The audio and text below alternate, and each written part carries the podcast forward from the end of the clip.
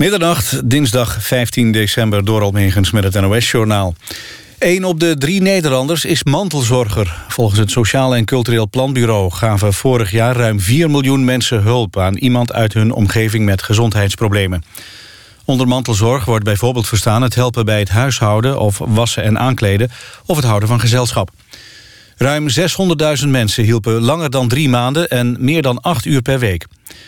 Volgens het SCP combineert 80% van de mantelzorgers de hulp met betaald werk. Een rechtbank in Tunesië heeft zes studenten veroordeeld tot drie jaar cel omdat ze homo zijn. Nadat ze hun straf hebben uitgezeten mogen ze nog vijf jaar lang niet in de stad Kairouan komen. De stad is een bedevaartsplaats voor moslims. Het vonnis ligt zwaar onder vuur van mensenrechtenorganisaties. Amnesty International spreekt van een diep gewortelde, door de staat ondersteunde discriminatie van homo's. Na een vorig incident met de berechting van een homo... drong de toenmalige minister van Justitie van Tunesië aan... op het schrappen van het strafbaar stellen van homoseksualiteit. Die minister werd een maand later weggestuurd. In de buurt van het Nederlandse VN-kamp in Gao in Mali... is een aantal projectielen afgeschoten. In het kamp zitten 400 militairen uit Nederland. Er is niemand gewond geraakt en er is geen schade aangericht. Het zou gaan om vier granaten. Of de beschietingen op de VN-basis waren gericht is niet duidelijk. Nederlandse militairen maken deel uit van de VN-missie... die de vrede in Mali moet bewaren. De Nederlanders blijven er tot eind volgend jaar gelegerd. Adelheid Rozen heeft de Lode Leeuw gewonnen... als meest irritante BN'er in een reclamespot op tv. Ze kreeg 46% van de stemmen voor haar rol... in een spot voor Jarden Uitvaartverzorging. De Lode Leeuw voor meest irritante commercial... ging naar Ontdek wat TUI met je doet... van reisorganisatie TUI Nederland. Het weer vanuit het zuidwesten neemt de bewolking toe en kan er wat regen vallen. Overdag is het eerst op veel plaatsen bewolkt. In het noorden schijnt in de middag soms de zon. Tegen de avond gaat het van het zuiden uit regenen. Het wordt 6 tot 9 graden. Dit was het ROS Journaal. NPO Radio 1. VPRO. Nooit meer slapen.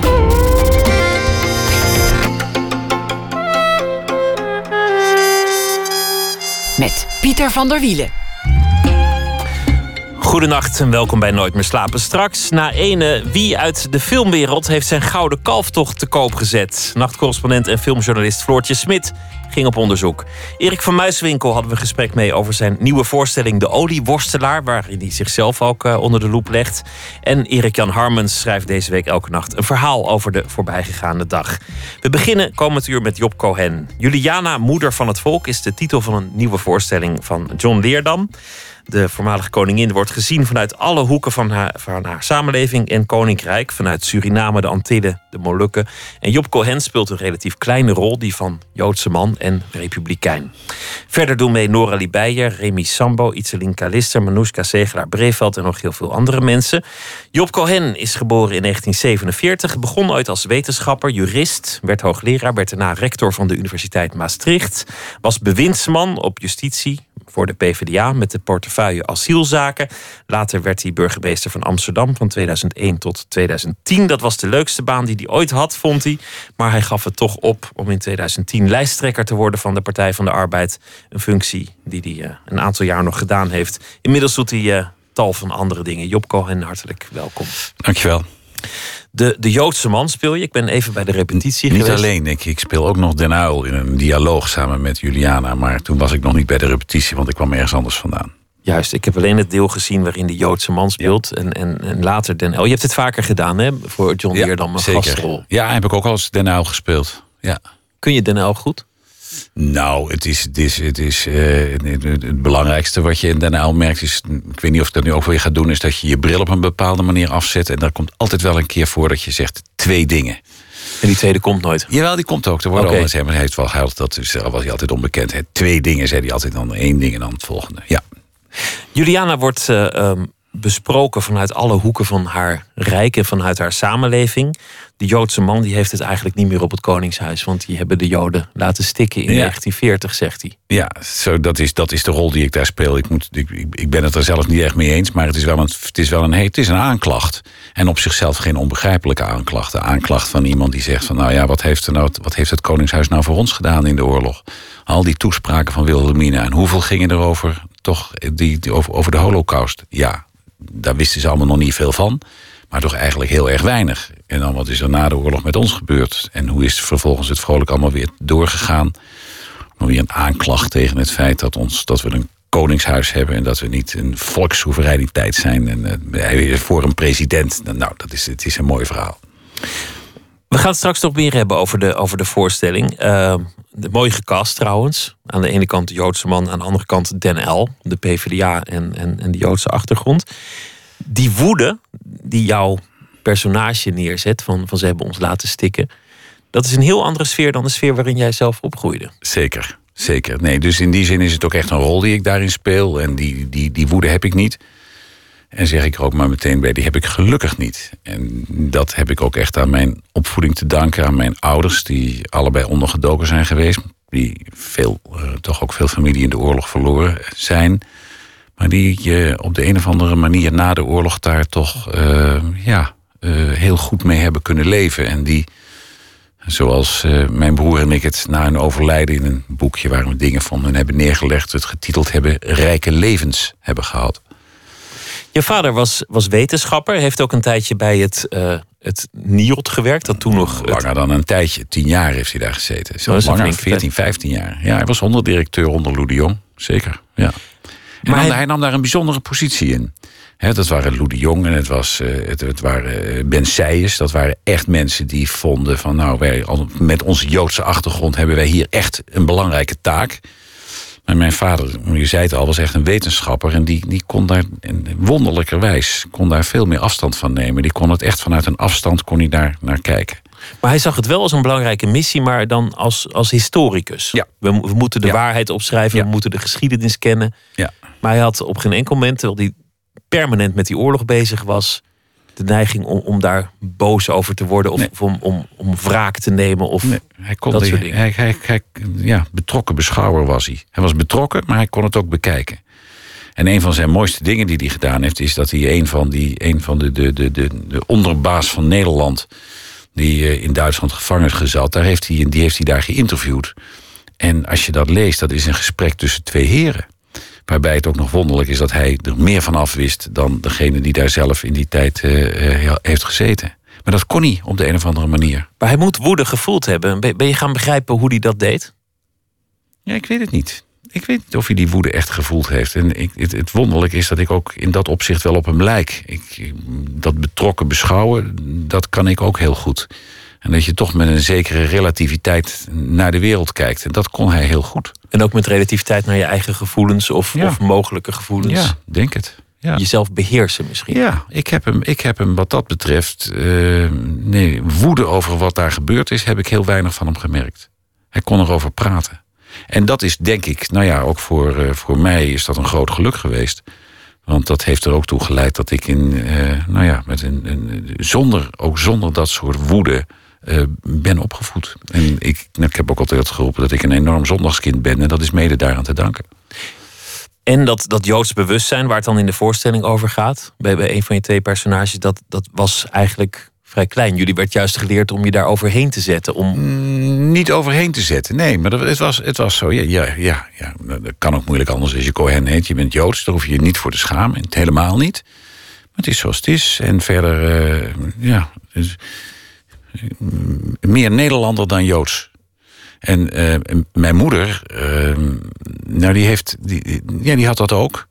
Maar die heeft zelf nog een. Eh, die, die is ooit bij de beroemde reden van Kleveringa geweest in Leiden. Toen uh, Joods hoogleraren niet meer in Leiden mochten, nergens meer mochten doseren. Wordt toch elk jaar herdacht? Zeker, hè, de, de, beroemdste reden van, uh, van na de oorlog. Mijn moeder was daarbij en ze heeft daar zelf ook een heel mooi stuk over geschreven.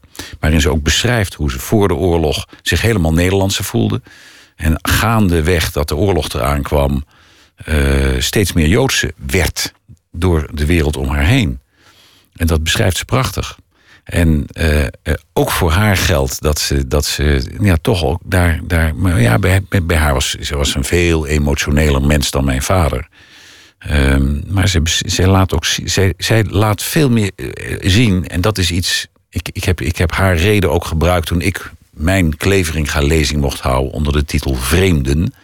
En zij laat zien hoe zij uh, door de omgeving zich een vreemde is gaan voelen in Nederland. En dat is het. En dat gevoel heeft ze toen in dat verhaal wat ze heeft, heeft eh, gehouden, wat ze daarover geschreven heeft, heeft ze willen overbrengen. En dat heeft later ook een, een enorme indruk op, op jouzelf gemaakt. Ja. En ook een rol Ja. gespeeld in hoe jij als burgemeester. We tutoyeren, zoals je merkt in dit programma. Na twaalf dan eh, laten we de formaliteiten gewoon los. Hoe je het als burgemeester eh, eh, hebt beschouwd. Ja.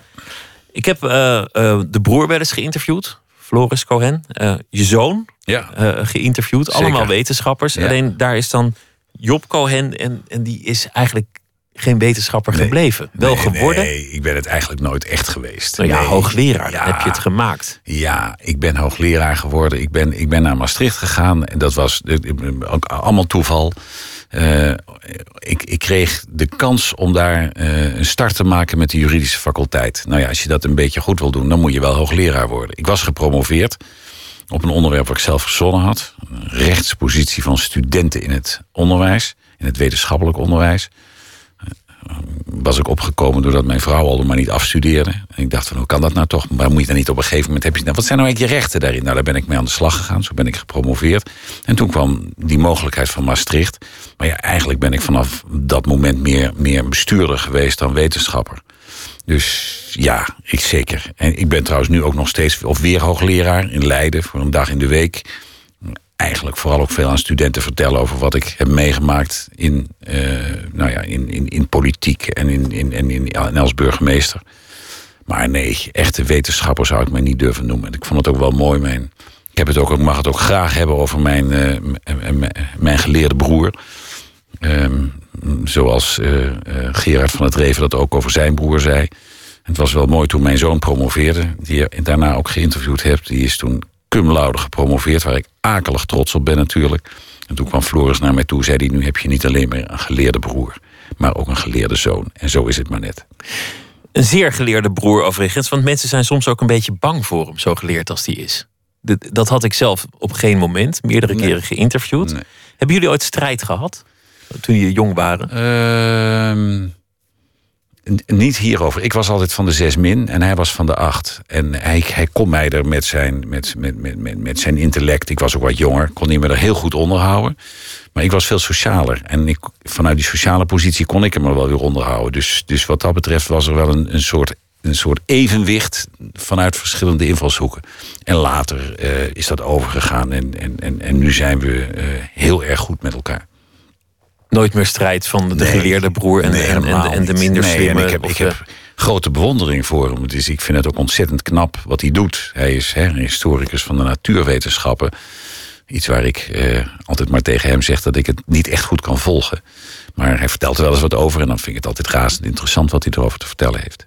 Je noemde Leiden, je noemde Maastricht. Eh, Amsterdam is waarschijnlijk de stad die, het, die inmiddels het meest bij je is gaan horen... omdat je daar burgemeester bent geweest. Ja, vergeet Groningen. Groningen. niet, hè, want daar heb ik gestudeerd. Ik zeg altijd dat ik in de drie mooiste steden van Nederland heb gewoond. En dat zijn toch Groningen, Maastricht en, eh, en Amsterdam. Nou, pak Leiden dan ook nog even mee. Jawel, dat, is, dat heeft toch een andere betekenis voor mij. Maar het is ook een mooie stad, daar gaat niks van af. Maar Groningen, dat was de, de periode waarin je eigenlijk je meest naaste vrienden hebt ontmoet. Ja, zeker. Ja. Eh, je vrouw is afgelopen jaar overleden. Ja. Een, eh, een verdrietige gebeurtenis. Zijn het dan ook nog steeds de vrienden uit Groningen die als eerste bij je zijn? Ja, maar dat was ook al een, een, een, een, gezelschap wat... eh, nou, sterker nog, dat zijn ook de vrienden waar we mee eh, de afgelopen jaren voortdurend op vakantie gingen. Eh, en die, we ook nu nog, we zijn in, in de laatste week van juli op vakantie gegaan. We zijn zaterdag teruggekomen en, en zondag daarop heeft Lidie zich verslikt en die dinsdag is ze overleden. Heeft ze verslikt en door dat verslikken is, is, eh, nou, is, ze- heeft haar hersenen aangetast. Ze had jarenlang al MS. Sinds 1980 al. Ja, en dat verslikken is een van de symptomen die daarin zit. En dit, nou ja, dit kan gebeuren. En eh, nou, het- het- ze was ook al de afgelopen jaren heel erg slecht. En nou ja, met die vrienden waren we al op vakantie. En het zijn ook die vrienden geweest die afgelopen jaren... eigenlijk al, al, al sinds we uit, ook al, ook al in Maastricht... nou ja, met elkaar hadden afgesproken en het zo hadden geregeld... dat er iedere dag iemand bij haar op bezoek kwam. Dus dat was ook een hele hechte club. En iedereen zei ook altijd, nou ja, dat, dat doe je ook omdat Lidie een bijzonder mens is. Ze was eh lerares ooit op het eh Rijnlands Lyceum in, eh in Oegstgeest. Ja. Een- En daarna ook nog jarenlang in Maastricht. nog heel lang blijven. Het is een gruwelijke ziekte. Ja. Je weet dat het niet te genezen is. Je weet Ja. niet hoe hard het gaat. Je weet dat er alleen maar achteruitgang is. Ehm, toch hebben jullie, naar wat ik uit eerdere interviews begrijp, eigenlijk altijd de houding gehad: laten we het er niet te veel over hebben. Laten we doen alsof het er niet is. Nou, dat niet. Maar we hebben het wel, zoals we zeggen, de kop in het zand gestoken. Niet voortdurend gedacht van, stel nou eens dat er dit gebeurt... of stel nou eens dat er dat gebeurt. En maar voortdurend geaccepteerd als het weer, eh, weer een stapje minder werd. Maar we hebben eigenlijk nooit op, op vooruit gelopen. En nou ja, dat is ons allebei toch eigenlijk wel heel goed bevallen. Omdat je dan in ieder geval niet in de, in de somberte leeft van hetgeen nog komen Ja. gaat. Ja, ja, zeker. En ik moet, nou ja, dat was eh, voor Lidie natuurlijk nog veel knapper dan voor mij. En en, nou, ja, dat hebben we de afgelopen maanden. Ik heb natuurlijk heel veel met veel mensen erover over haar gepraat. Met mijn kinderen, maar ook met vrienden. En eigenlijk iedereen die zegt, ze klaagde nooit. En dat is toch ook wel ongelooflijk knap geweest. Zo knap voor iemand die, nou ja, toch zoveel kon. En steeds minder kon, steeds meer afhankelijk werd steeds meer over moest overlaten. Ze was ook wel een beetje een control freak. En als je dat dan op een gegeven moment allemaal niet meer kan... als je zelf je bloemetjes niet meer water kan geven... je kan zelf niet meer koken... je kan eigenlijk niks meer op den duur... en allemaal overlaten en dan niet klagen. Het is heel bijzonder dat ze dat allemaal op die manier gedaan heeft. En dat, nou ja, dat is en altijd ook belangstellend... tot het, de afgelopen jaren kon ze dat niet meer. Is geestelijk ook enorm achteruit gegaan. Maar het was toch ook altijd voor heel veel vrienden... was het toch ook wel weer leuk om te komen. En daarom zijn ze gebleven. Zelf heb je ook nooit geklaagd. Nee. Nee, ik heb ook nooit geklaagd. Maar ik vond het ook altijd voor haar veel erger dan voor mij. En ja, het- het is zoals het is. Ik bedoel, dat zijn, ik heb ook altijd gezegd... dit is het grootste ongeluk wat in mijn leven is overkomen. Wat mij is overkomen. Nou ja, zo heeft iedereen zo zijn eigen ongeluk. En, en dit was dan nog meer een afgeleid ongeluk. Niet mijzelf rechtstreeks betrof, maar, maar Lidie. Nou ja, het heeft ook jou getroffen. Jawel, zeker, tuurlijk. En ik heb ook wel vaker gezegd dat we, hadden, we hadden zoveel meer kunnen doen. En ik had ook in de tijd dat ik burgemeester was... en, wat, en, en, en als zij echt gezond was geweest... dan had zij ook nog voor die stad zoveel kunnen betekenen. En had ik nog weer veel meer kunnen doen. Want nu nou ja, kwam ik toch ook weer... er waren de avonden dat ik iets niet deed... omdat ik eh, dan thuis wilde zijn. En mijn secretaresse ook gewoon een streep door die avonden zei... wat heel goed van ze waren. Ja. Is dat hetzelfde eh, wat je vader had? Eh, eh, namelijk dat, dat het op de een of andere manier niet past om in je eigen emoties te, te blijven hangen. Dat je, dat je daar overheen zet of, of dat je je daarin matigt. Dat kan wel. Maar dit, ja, ik heb, het is, je, hebt het maar, je hebt het, wat dat betreft het leven te accepteren zoals het is. Bijvoorbeeld, het is een ziekte, daar doe je niks aan. Het is zo. Er is geen Ja, medicijn, je- er is geen nou ja, remedie. er, is, er is wel, er, ach ja, je, er, er is wordt wel wat, maar, maar niet zo verschrikkelijk veel. Ik, ik, ik, ik, ik steun die MS-stichting enorm. En eh, ik mag iedereen die nu zit te luisteren ook oproepen om dat ook echt te doen. Het is wat dat betreft, het is een kleine ziekte, zoals dat heet. Een ziekte die niet ontzettend veel mensen hebben. En dus is er ook niet zo vreselijk veel geld voor. En dat is zonde, want het is, van, het, het, het is echt een verschrikkelijke ziekte. Zoals je net ook al zei, je wordt alleen maar slechter. Je weet niet wanneer en je weet niet hoe, maar je wordt alleen maar slechter. En je kent Nooit het beter. tempo niet. Dat is en ook je kent het tempo niet, nee. Dus eh, daar moet een hoop geld heen. Terug naar je vader, want er is een anekdote al vaak verteld, maar te leuk om niet te vertellen. Dat, eh, dat ergens in de straat ook de familie Meijer woonde. Jaap Meijer. Jaap Meijer was ook Ja. een hardwerkende man. En ze deden eigenlijk een wedstrijdje bij wie het licht het eerste uitging. Hoe Ja, zat wie het dat? laatste uitging. Dat is Wie het het laatste uitging. Want dat, dan kon je laten zien dat je nog aan het werk was. Zeker. Ze woonde, hij woonde om de hoek, Jaap Meijer. Zeker. Elkaar aftroeven in wie het hardste werkt. Ja, het is een mooi verhaal. Ja. Het is de vraag of het waar is, maar het is hoe dan ook een mooi verhaal. En het vervolg is dan dat, dat vader Cohen soms het licht bovenaan liet en dan eigenlijk Tuurlijk. al lang was gaan slapen. Dat hoort, nou, dat zal, dat zal niet helemaal het geval zijn, maar iets daarvan heb ik dit wel. Ik, ik mag het verhaal ook graag vertellen. Ja. Je hebt zelf ook altijd ontzettend hard gewerkt.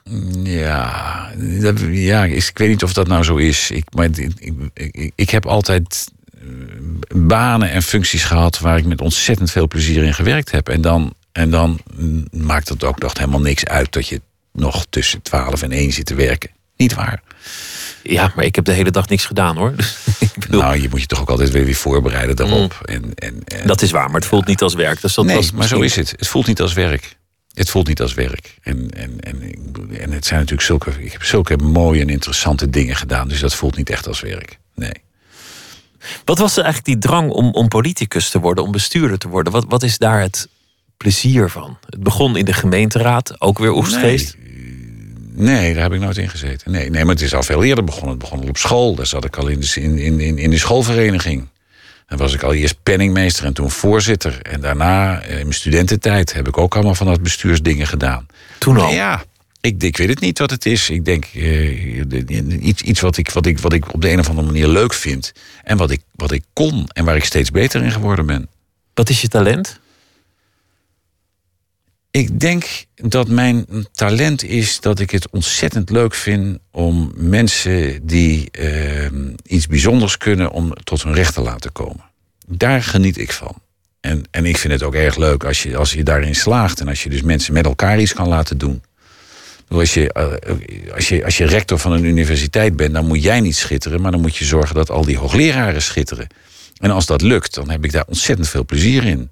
En waarom vind je dat leuk? Omdat al die hoogleraren die kunnen verschrikkelijk veel zijn. Allemaal stront eigenwijze mensen, maar ze kunnen heel erg veel.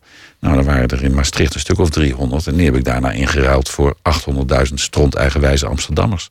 En Amsterdam is natuurlijk ook de stad, bij uitstek de stad waar mensen heen gaan, omdat ze het gevoel hebben dat ze hun eigen talent daar tot ontplooiing kunnen brengen. Nou, als je daar een bijdrage aan kan leveren, dan is dat de enige. Je noemde het de leukste baan die je ooit uh, hebt gehad. Ja, maar die anderen waren ook allemaal erg leuk. Die anderen waren Vrijwel ook leuk. allemaal, niet allemaal. Die laatste jaren die, die in, in de politiek, die moeten toch loodzwaar zijn geweest. Die waren ja, loodzwaar. Ze waren in ieder geval niet leuk. Maar ik had mij dat voorgenomen om dat te doen. Ik, uh, ik had het idee dat datgene wat ik in Amsterdam deed, dat ik dat ook in het land zou willen doen. En ik had ook het gevoel dat. dat uh, ik, denk, nou ja, ik vond zelf dat dat ook goed zou zijn uh, voor Nederland. Om al die, dat uit elkaar lopende, om dat een beetje meer bij elkaar te brengen. nou ja, dat is niet gelukt. En daar was ik ook niet zo goed in. Het merkwaardig is eigenlijk wat, wat daar bleek, dat wat je nodig hebt om een land te besturen een heel ander talent is dan dat je nodig hebt om een verkiezing te winnen. Ja, en dat heb ik vooral ook achteraf ook wel ge, geconstrueerd of gereconstrueerd waarom dat in zit.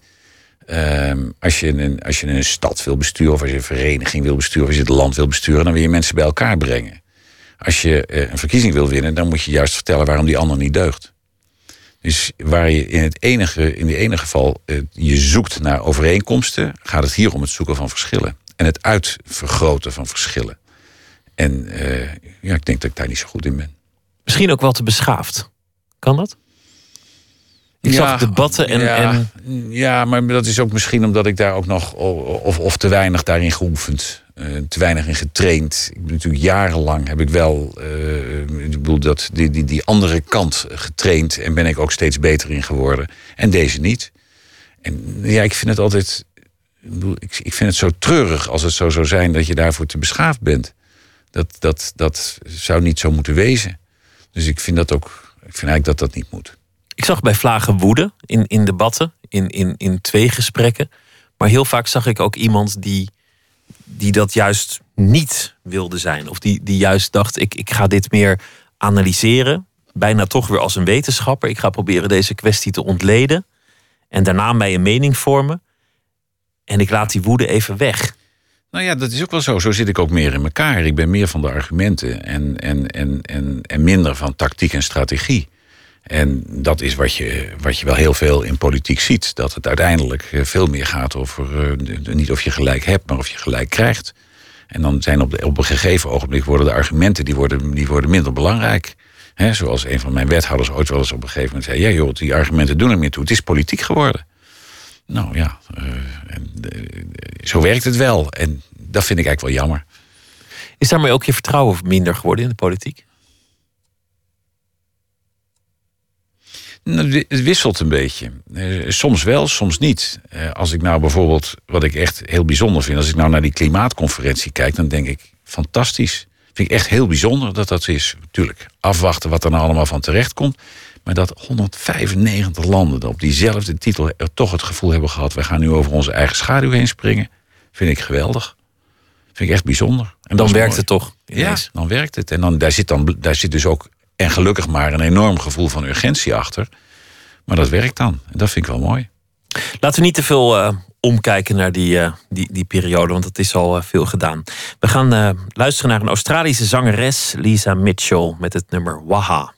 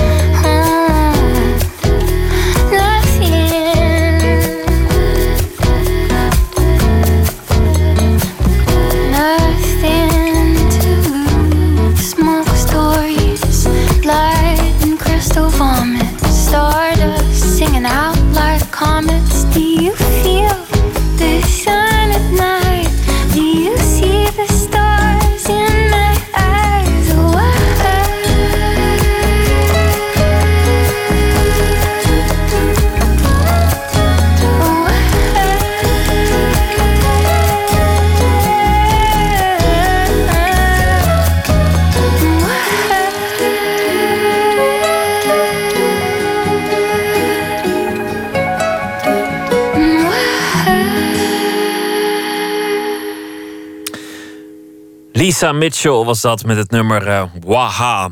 Hier in de studio van Nooit meer slapen. Job Cohen. En dat is naar aanleiding van eh, Juliana, moeder van het volk. Een nieuwe voorstelling van John Leerdam. Die eh, zaterdag in première zal gaan in Amsterdam.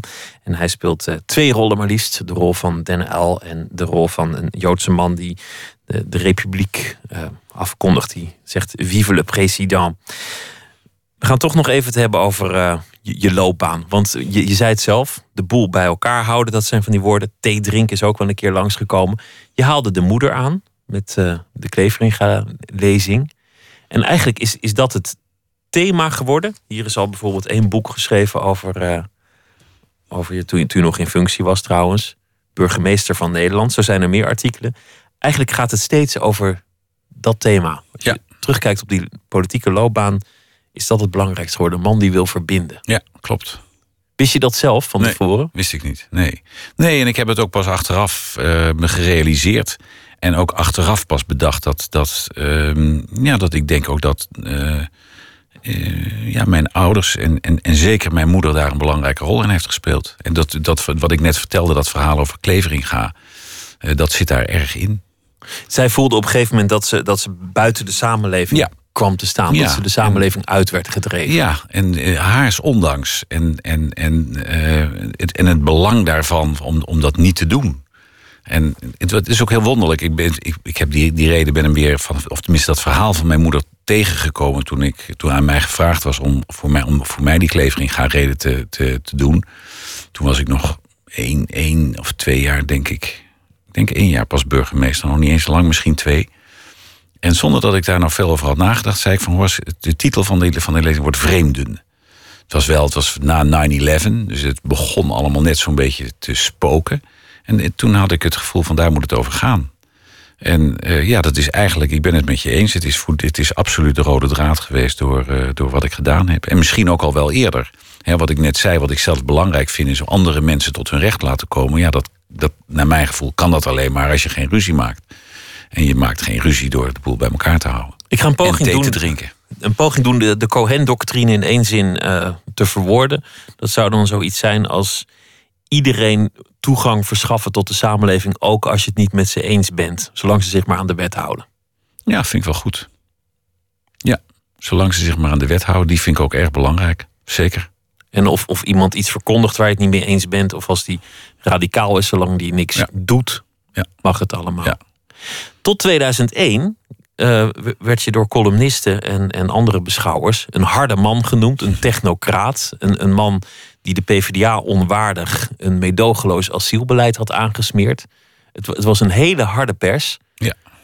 Maar precies het tegenovergestelde van het beeld dat we later kregen. Namelijk van een, een softe thee drinkende man. Ja. Die, die niet inzag hoe groot de problemen waren. Ja. De wind van twee kanten gekregen. Ja, en het is allebei waar. Nou nee, het is niet allebei waar. Tenminste, het, het, die, die harde kant, die zit... Nou ja, dat, ik, ik had zelf ook bij dat, bij dat toen ook eh, bij het maken van die nieuwe vreemdelingenwet... het idee van ja, kijk, wij kunnen niet iedereen toelaten. Dat kunnen we nu nog steeds niet. Dus je zal daar een onderscheid in moeten maken wie wel en wie niet. En degenen die niet worden toegelaten, ja, die moeten dan ook het land weer uit. Dat kan niet anders. Want als je ze hier laat, dan hoef je dat onderscheid ook niet te maken.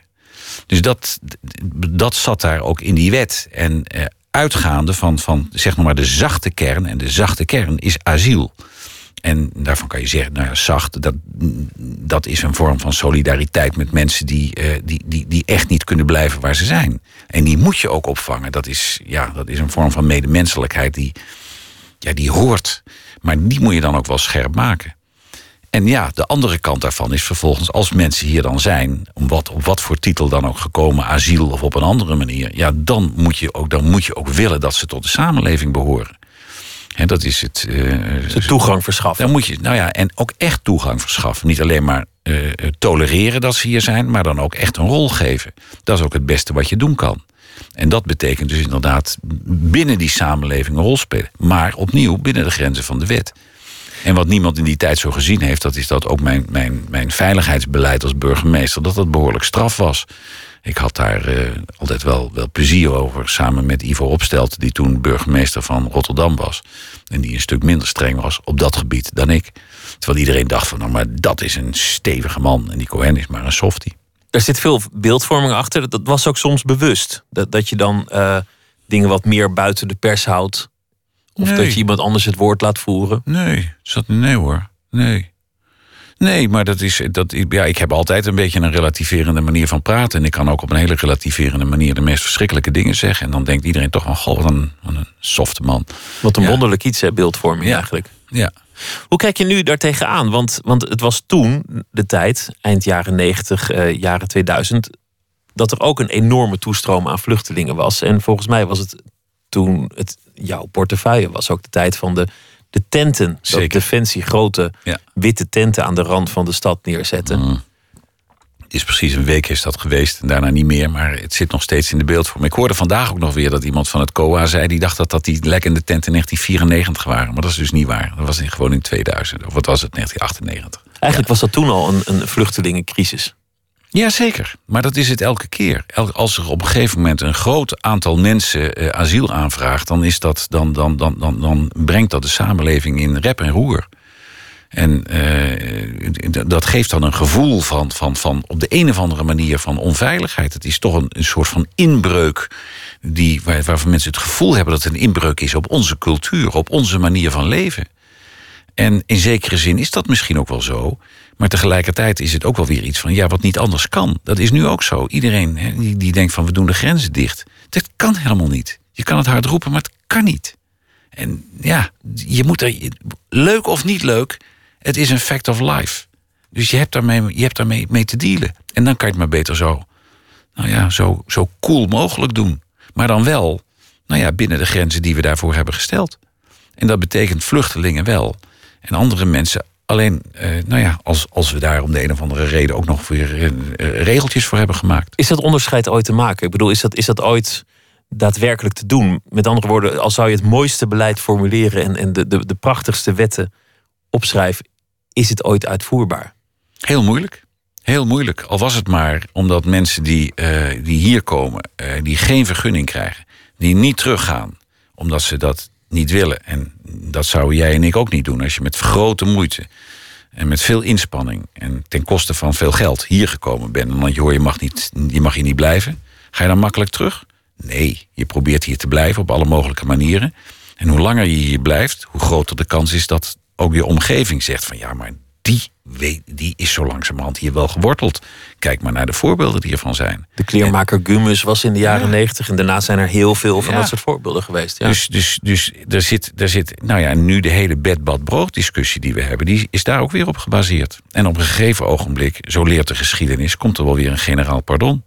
Dus voor diegenen die geen vergunning hebben en die hier wel blijven, ja, die proberen hier te blijven tot het moment van het generaal pardon, waarvan ze niet weten wanneer het komt, maar wel dat het er komt. En ondertussen gaat veel van hun leven gaat verloren. En dat is het treurige wat er ook in zit. Als burgemeester eh, was de moord op Theo van Gogh eh, een, een heel belangrijke gebeurtenis. 11 september 2001 had enorme gevolgen. Er, er waren moskeeën waar, waar de discussie was of ze gesloten moesten worden. Ook daar was het thema van het burgemeesterschap achteraf heel duidelijk. Zoals het een terloops zinnetje eh, werd dat alsmaar werd geciteerd. De boel bij elkaar houden. Ja, daar ben ik zelf mee begonnen. Met dat zinnetje. Ja, ik heb het, ik heb het op de, de persconferentie waarbij mijn benoeming werd, eh, werd aangekondigd. Daar heb ik het zelf gezegd. Ik had het. Ik meende dat, dat Joop den Uyl dat ooit had gezegd over zijn kabinet. Wat is, werd hij toen hem gevraagd: wat is nou het belangrijkste wat je hebt gedaan? En dat hij op zijn beetje stuntelige manier, zoals nou, eh, ja, ja, je probeert toch de boel een beetje bij elkaar te houden. En als een soort hommage aan hem, grote bewondering voor hem, dacht ik dat ook te gebruiken. Daar zat niks visieachtigs achter. Maar wel het idee dat die stad die ik eigenlijk nog helemaal niet goed kende, dat daar wel 170, 180 verschillende nationaliteiten waren. En ik dacht, dat is vast ingewikkeld. Nou, dat is het ook.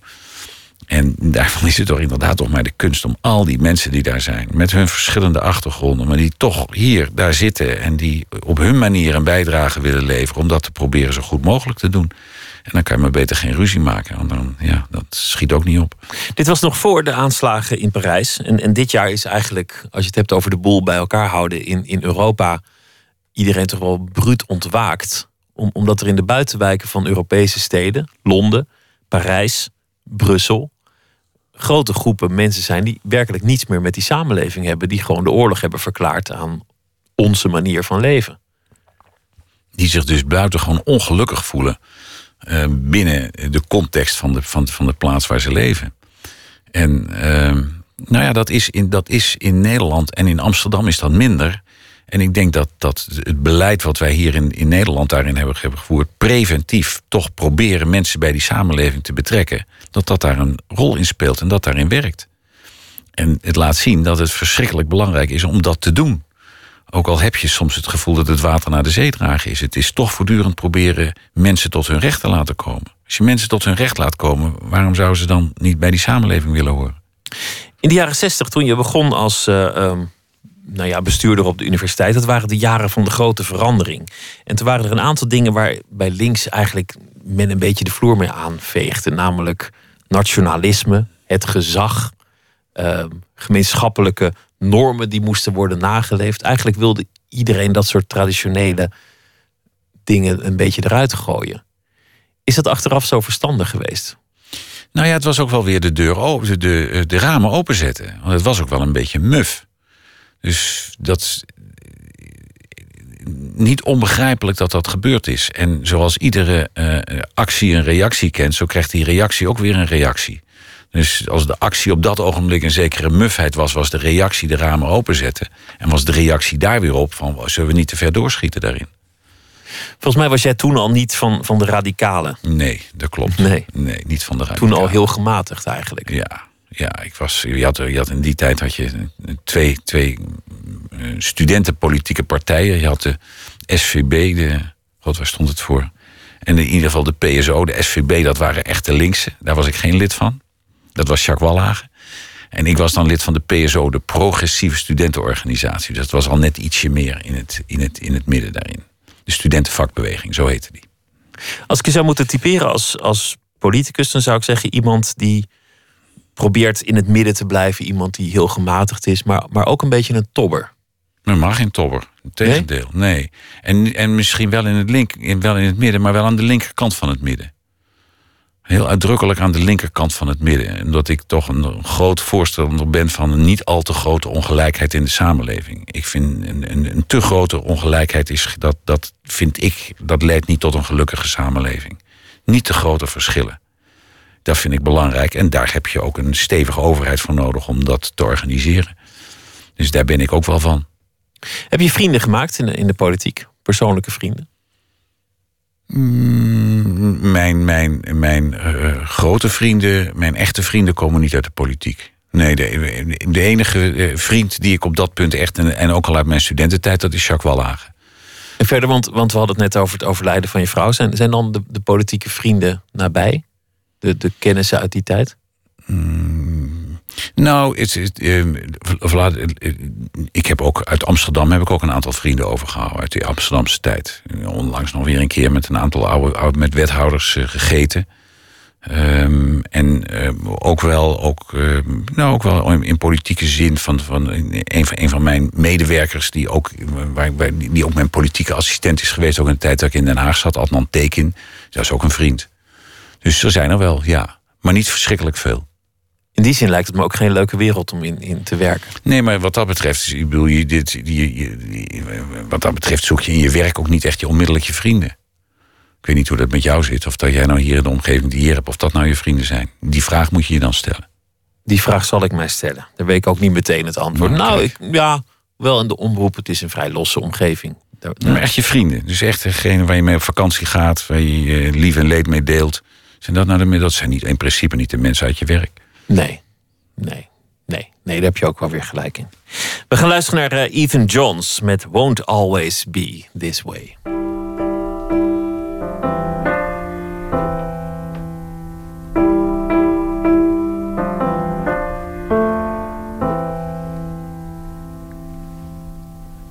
Sitting on the kitchen floor, you stare at where the paint is worn battered by eternal storms that rattle your back door. And the world outside is terrifying, but nothing can compare to the thoughts inside your head.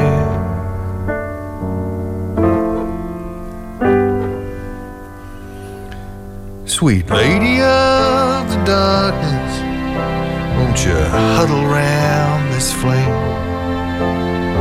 Cup your hands to kindness, and if those around are quick to judge, patience seasons, there's time enough. The day will surely break. It don't have to be this way.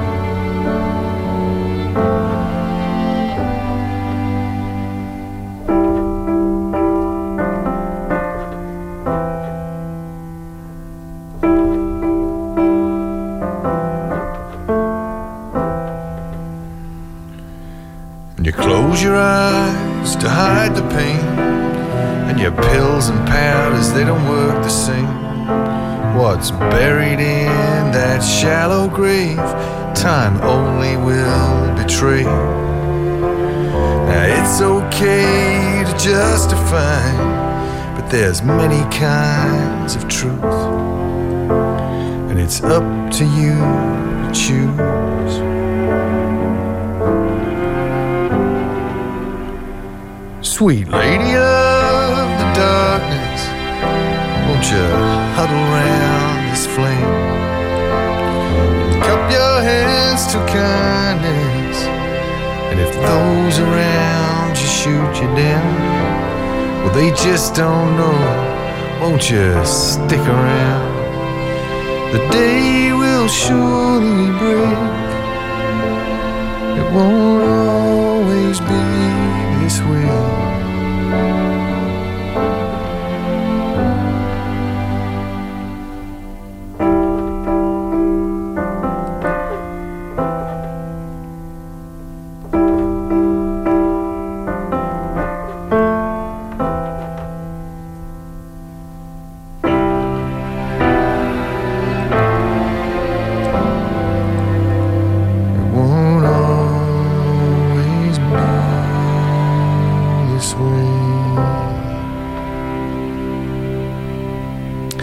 Ethan Johns won't always be this way. Job Cohen zit tegenover me. Laten we het dan nu maar eindelijk over de voorstelling gaan hebben. Anders heb ik je Helemaal voor niks hier naartoe laten komen. Juliana, moeder van het volk van John Leerdam.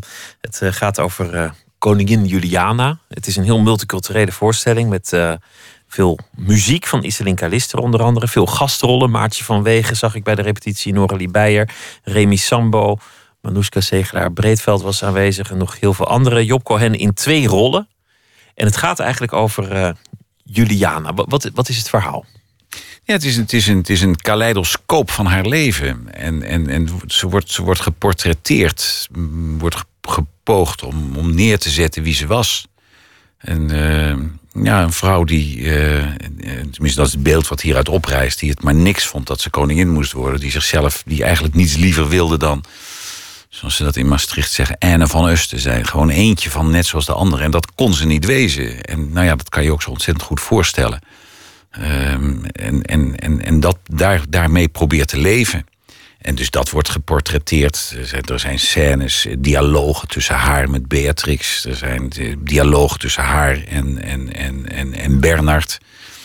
Uh, nou, dat zijn hele stevige dialogen die daarin zitten... waarin ze tot vier, vijf keer toe vragen aan Bernard vraagt... waarom ben je nou eigenlijk met me getrouwd? Die daar nauwelijks een antwoord op geeft. Uh, er zijn, uh, nou ja, ook de, de, dialoog die ik doe tussen Juliana en Den Uil. Na de Lockheed-affaire, waarbij toch Den Uil het Koningshuis gered heeft. dus ze worden op alle mogelijke manieren wordt ze daarin geportretteerd.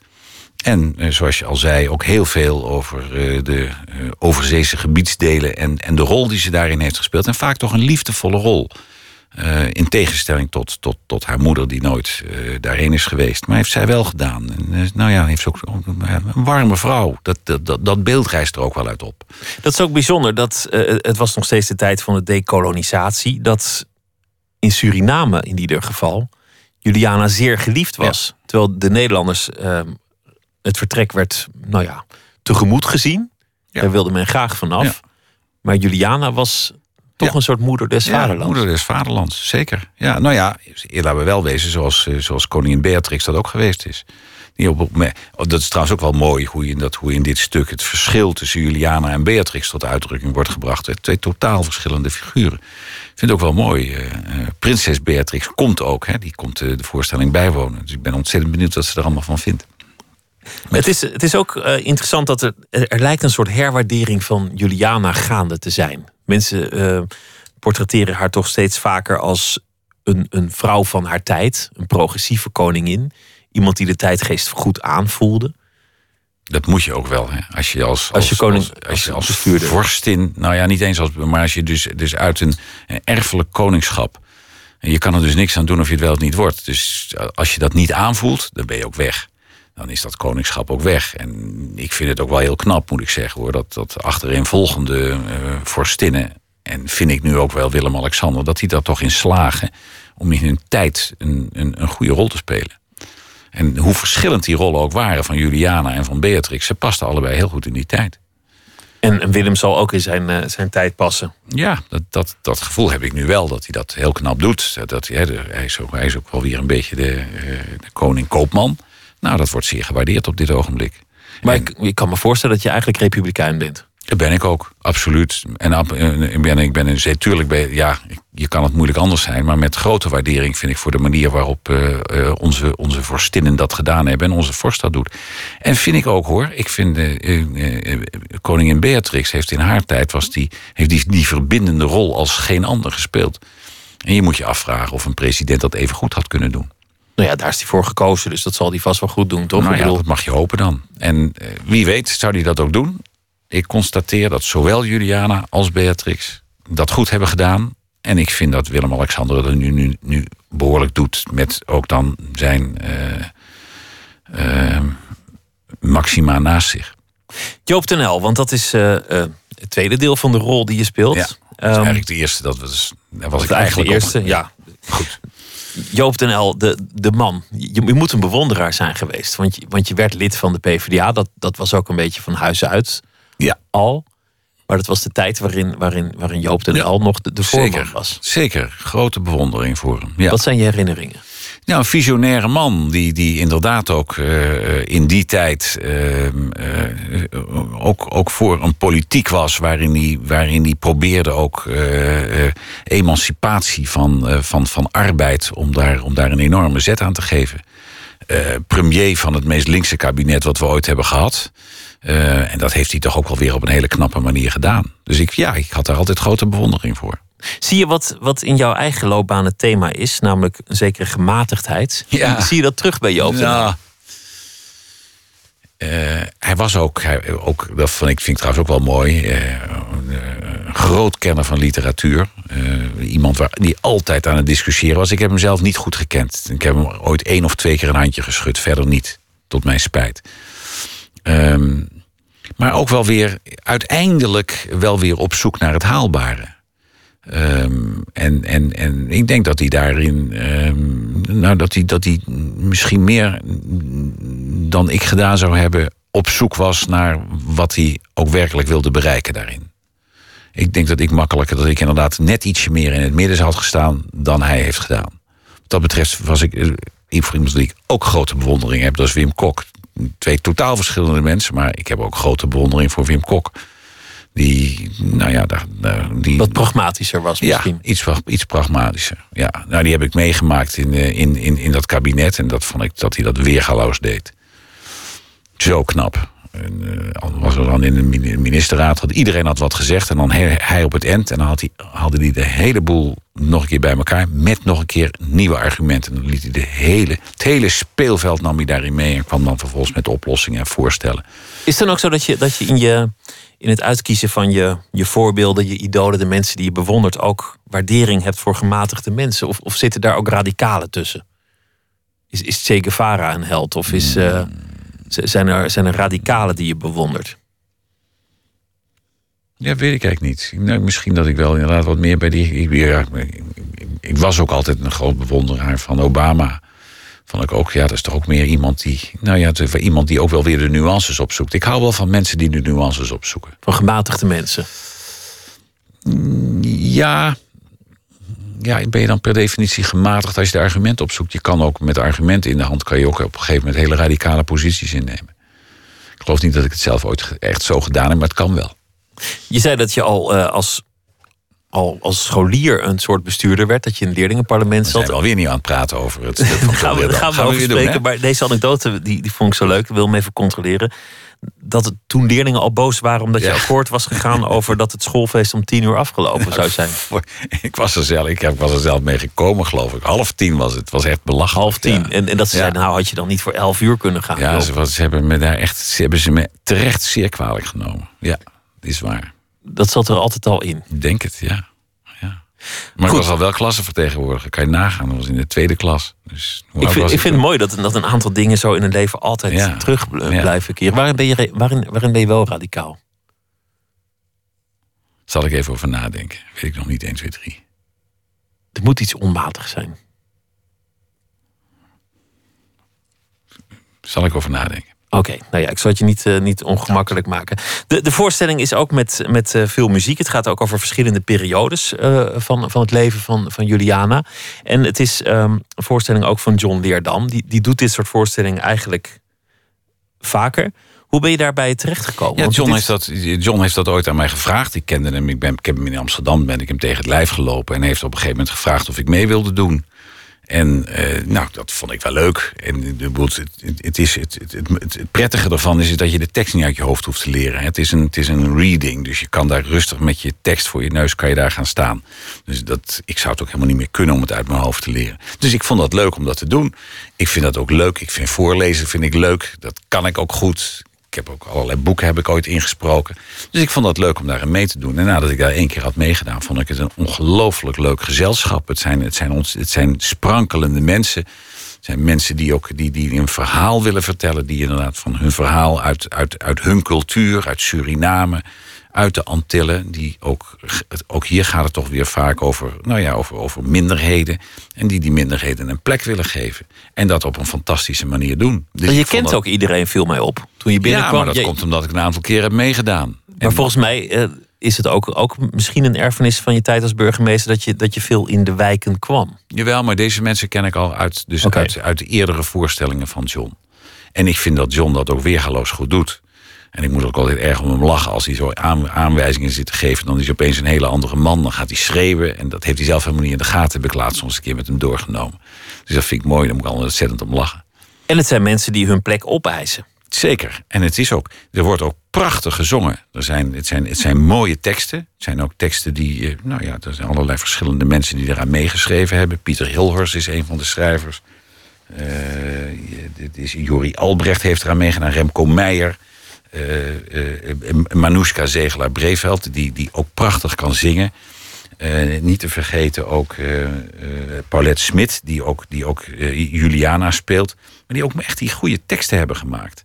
Dus het is ook echt een, een, een combinatie van, van, van mooie teksten, eh, eh, goede regie, mooie liedjes die erin zitten, eh, goede muziek die daarbij zit. Het is, ja, het, het geeft, het, het is een, eh, het is een mooie, mooie eh, avond en een mooie middag.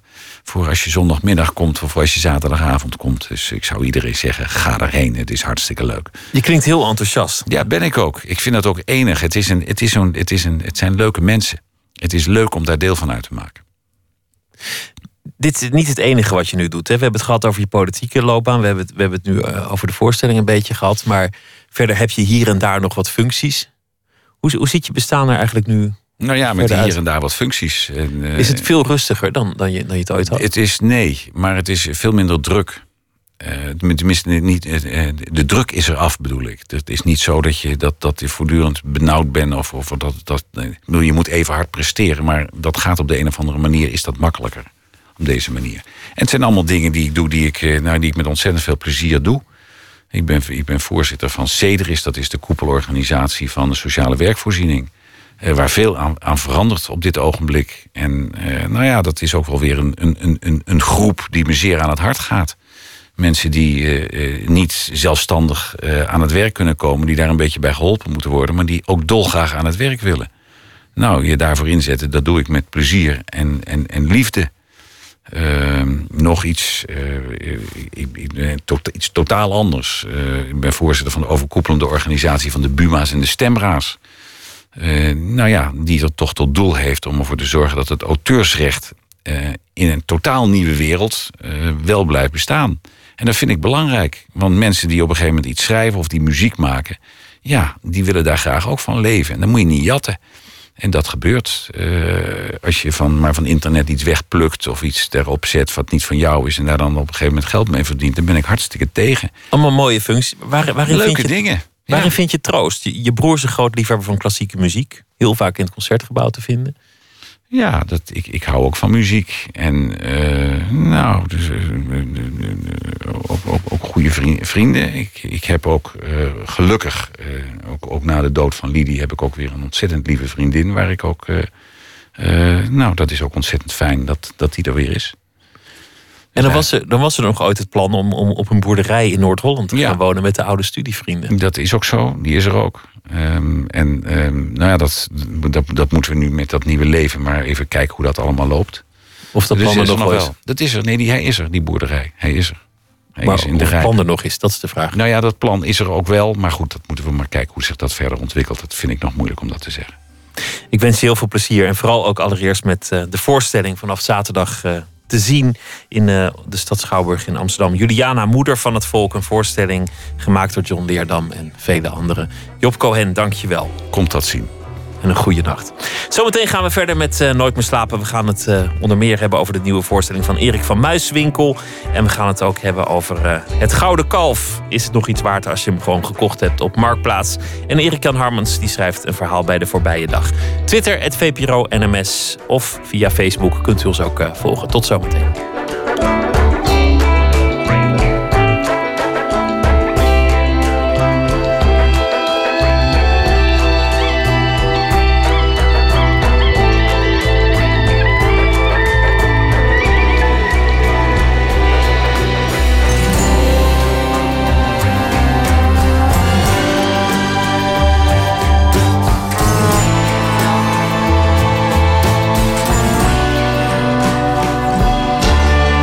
Radio 1, Het nieuws van alle kanten.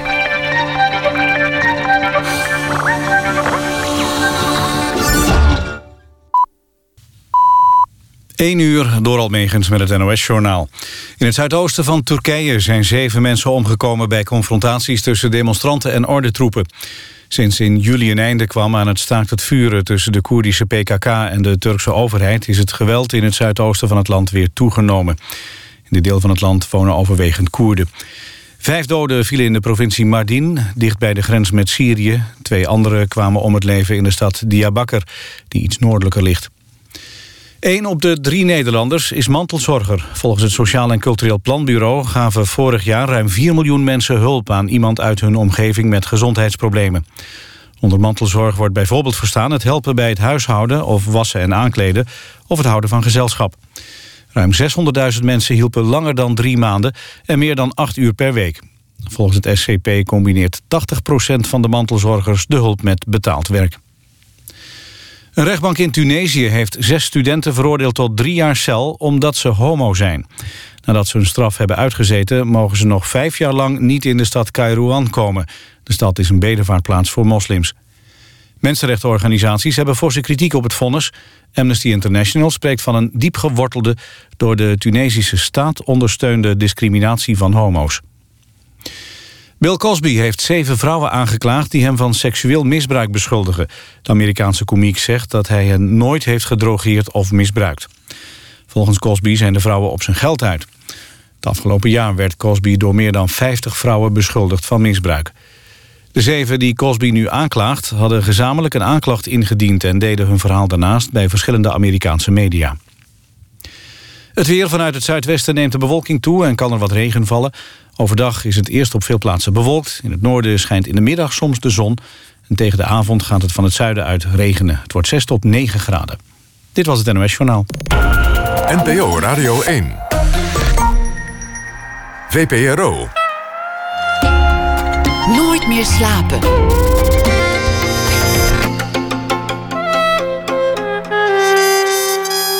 Met Pieter van der Wielen. Straks een gesprek met uh, cabaretier Erik van Muiswinkel. En we gaan het hebben over uh, de Gouden Kalveren. Want mag je er eentje kopen of mag dat eigenlijk helemaal niet? En een reportage over lawaaiige bovenburen, de inbreuk op privacy en de zelfcensuur van kunstenaars. Naar aanleiding van een tentoonstelling samengesteld door Joost Zwagerman te zien in Bergen. Erik Jan Harmens zal deze week elke nacht een verhaal voordragen over de voorbije dag. Debuteerde als dichter in 2003, schreef zijn eerste roman in 2007. Zijn laatste twee boeken zijn de dichtbundel Open Mond en de roman Hallo Muur. Nieuwe jaar brengt ook weer een boek. Ik noem dit Poëzie.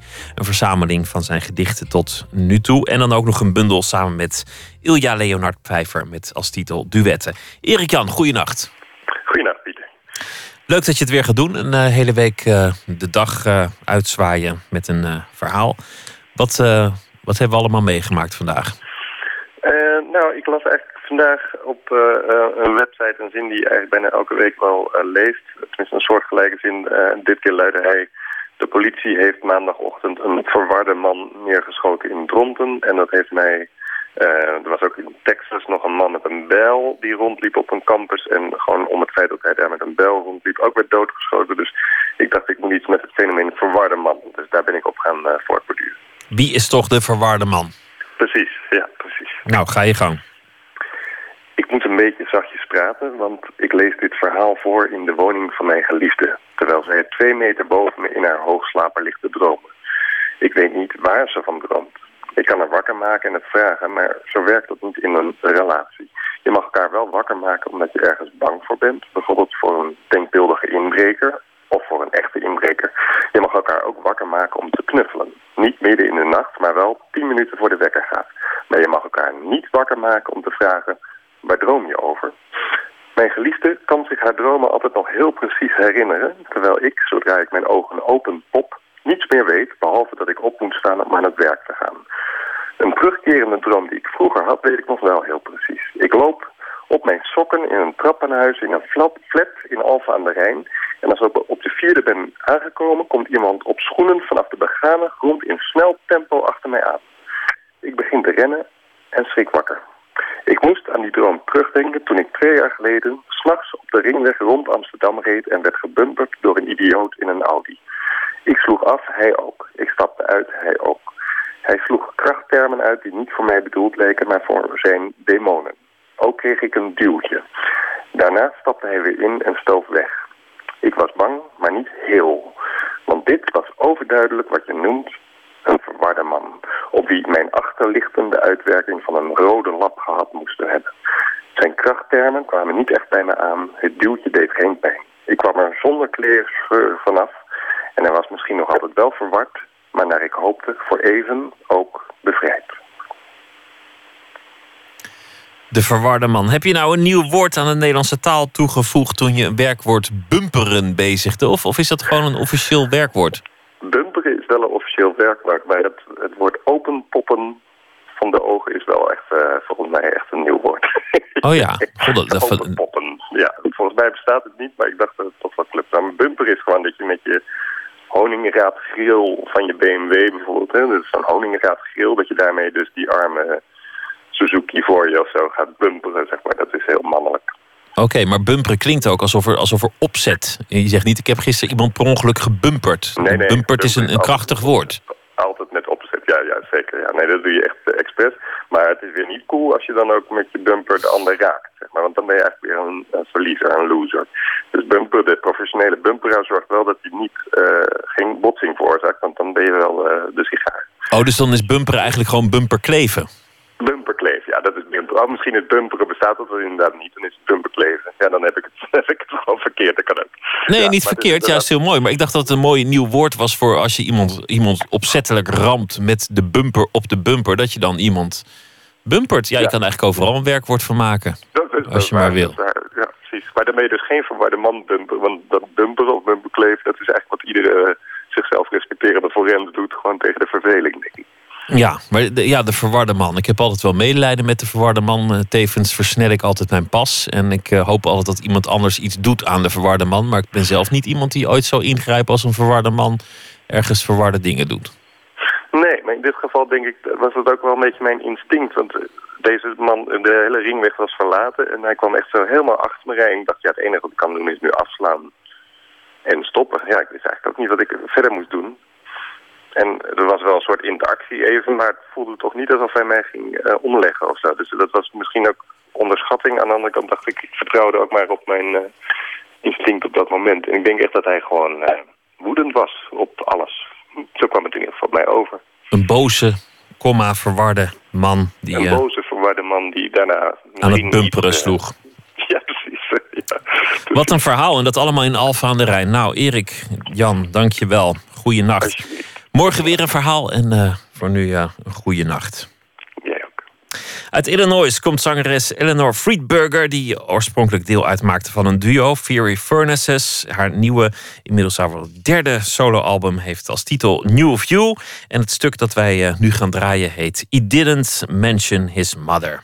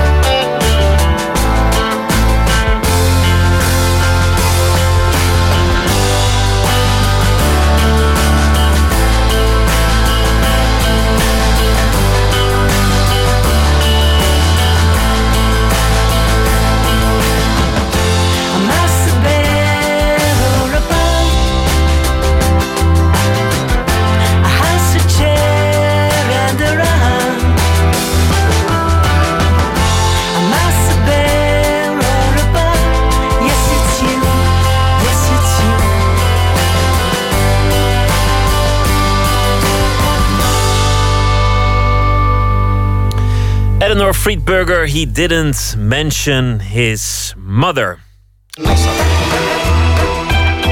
Nooit meer slapen. Cabaretier Erik van Muiswinkel heeft een nieuw programma. Afgelopen week eh, ging het in première in de Kleine Comedie in Amsterdam. De titel van de show is De Olieworstelaar. En Erik kondigt aan zichzelf ook de maat te zullen nemen.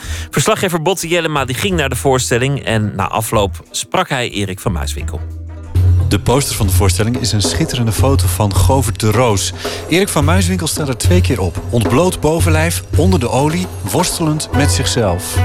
Ik heb dat beeld van die olieworstelaars al jaren voor ogen. Terwijl ik er... eh, Ik ben er nooit geweest daar. Irdin, in het meest noordwestelijke puntje van Turkije... is de thuisbasis van het traditionele Turkse olieworstelen.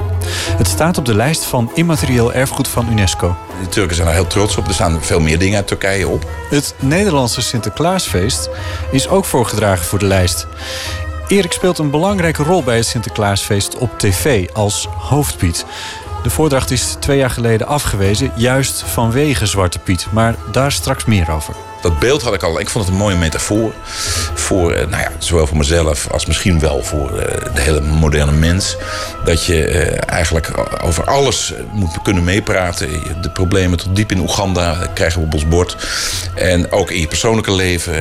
nou, de simpele zuilen die we hadden.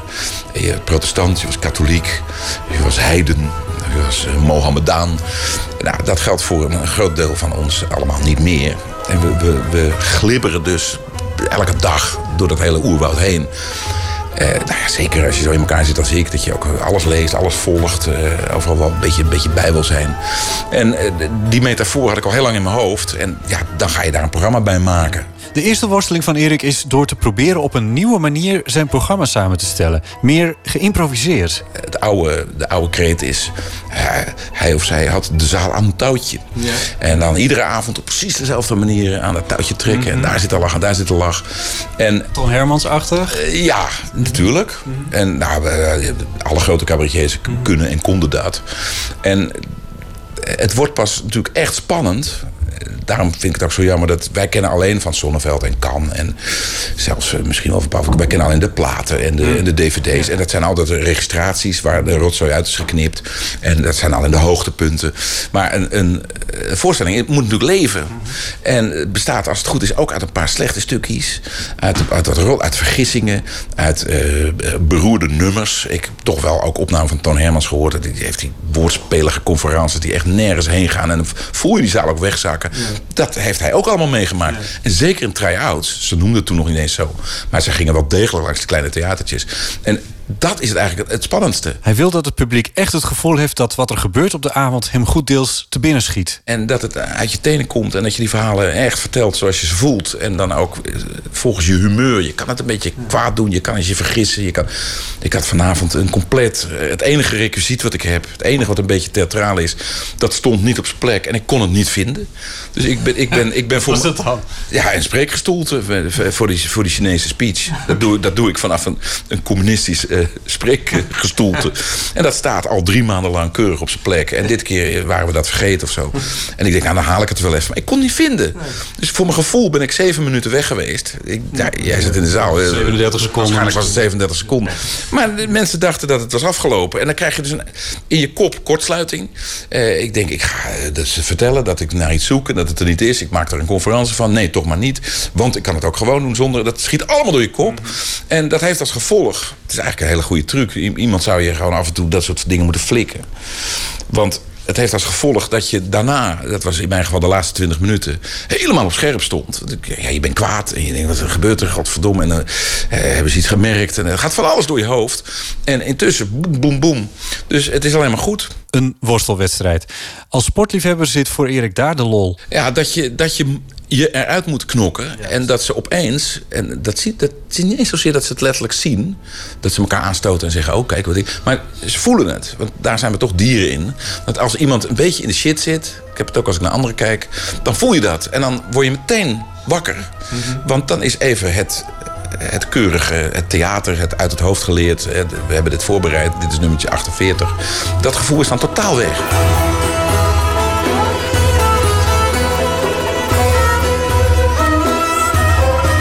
Maar de worsteling is op één punt persoonlijk, mondiaal en heftig. We zijn hem een beetje zat nu. Maar om het uit te leggen komt nu de Zwarte Pieten discussie in één minuut. Ik snap de, de Sinterklaaslobby en daar maak ik eh, zelf in ieder geval in mijn rol deel van uit. Want Erik speelt al sinds 1998 de rol van hoofdpiet bij verschillende televisieprogramma's met Sinterklaas.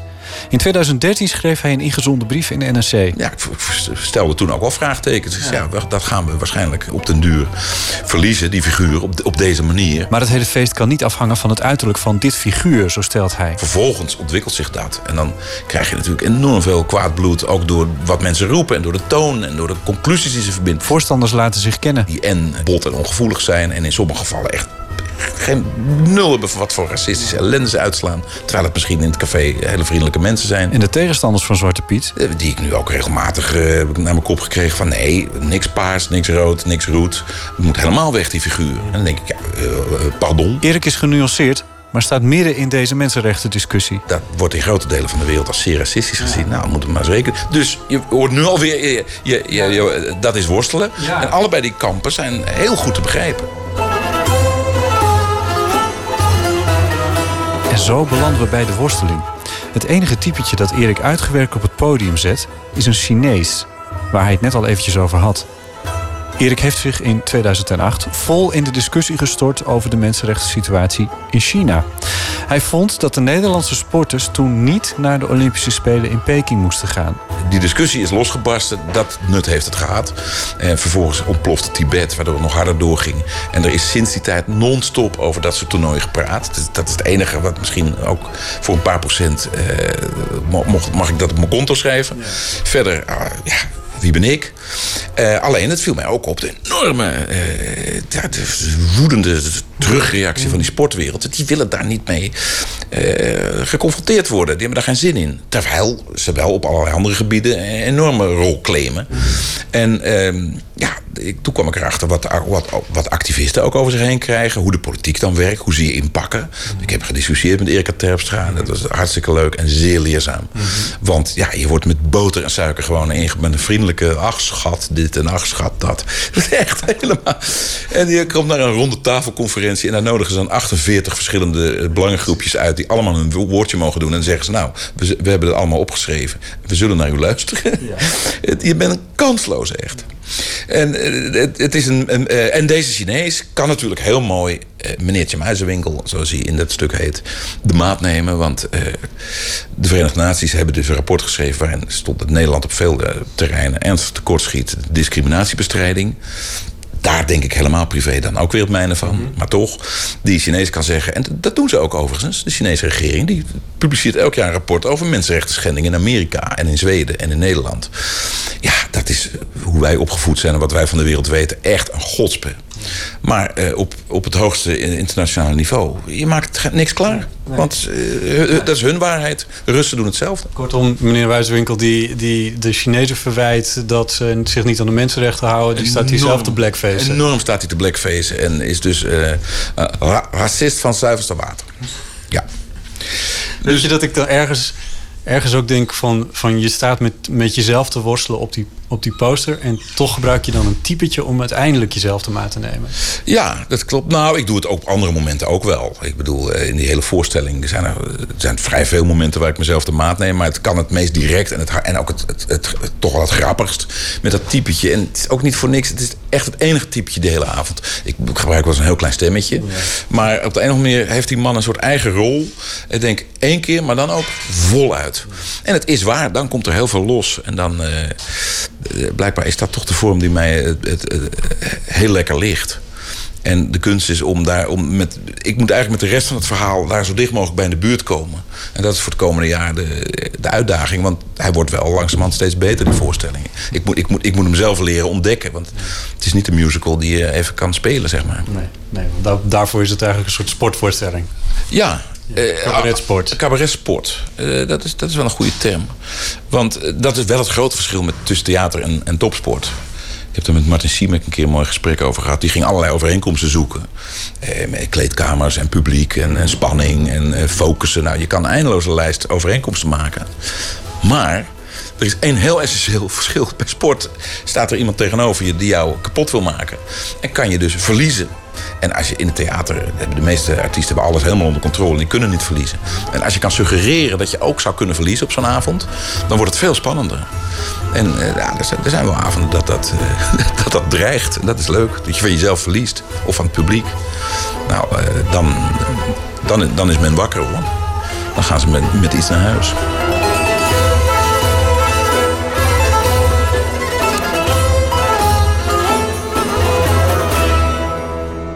Erik van Muiswinkel over zijn nieuwe cabaret-sportvoorstelling De Olieworstelaar, waarmee hij door het land zal toeren tot eind mei 2016.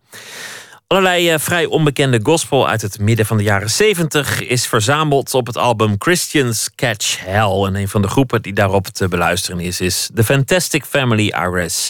En hier zijn ze met Troubled Mind.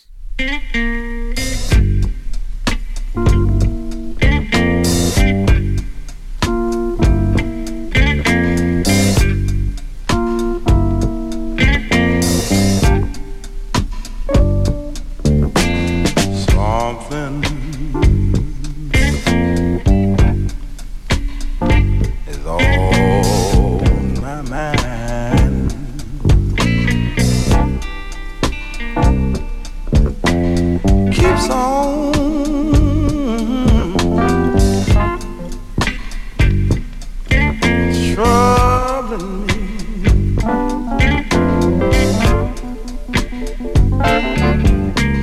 I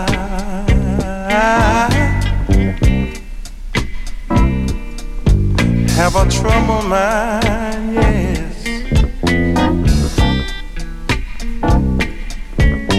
It just won't,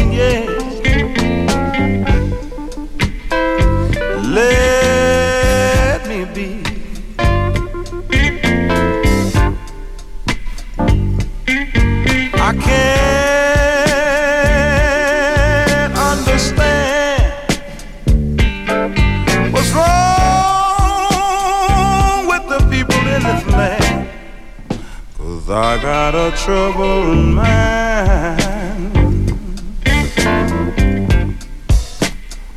Sure got a troubled mind.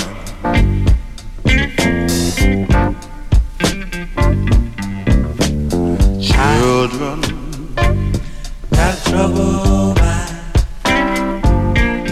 It's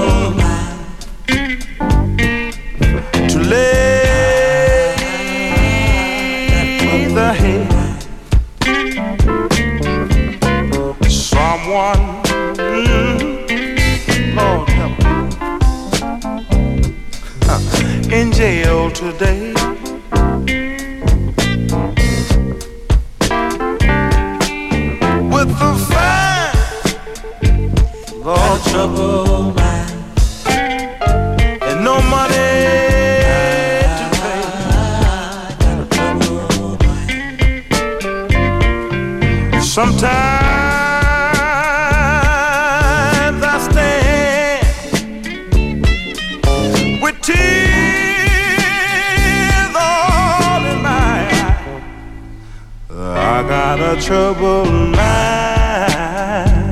got a troubled mind. Sure enough, got a troubled mind. Got a troubled mind. And so many times I walk along, I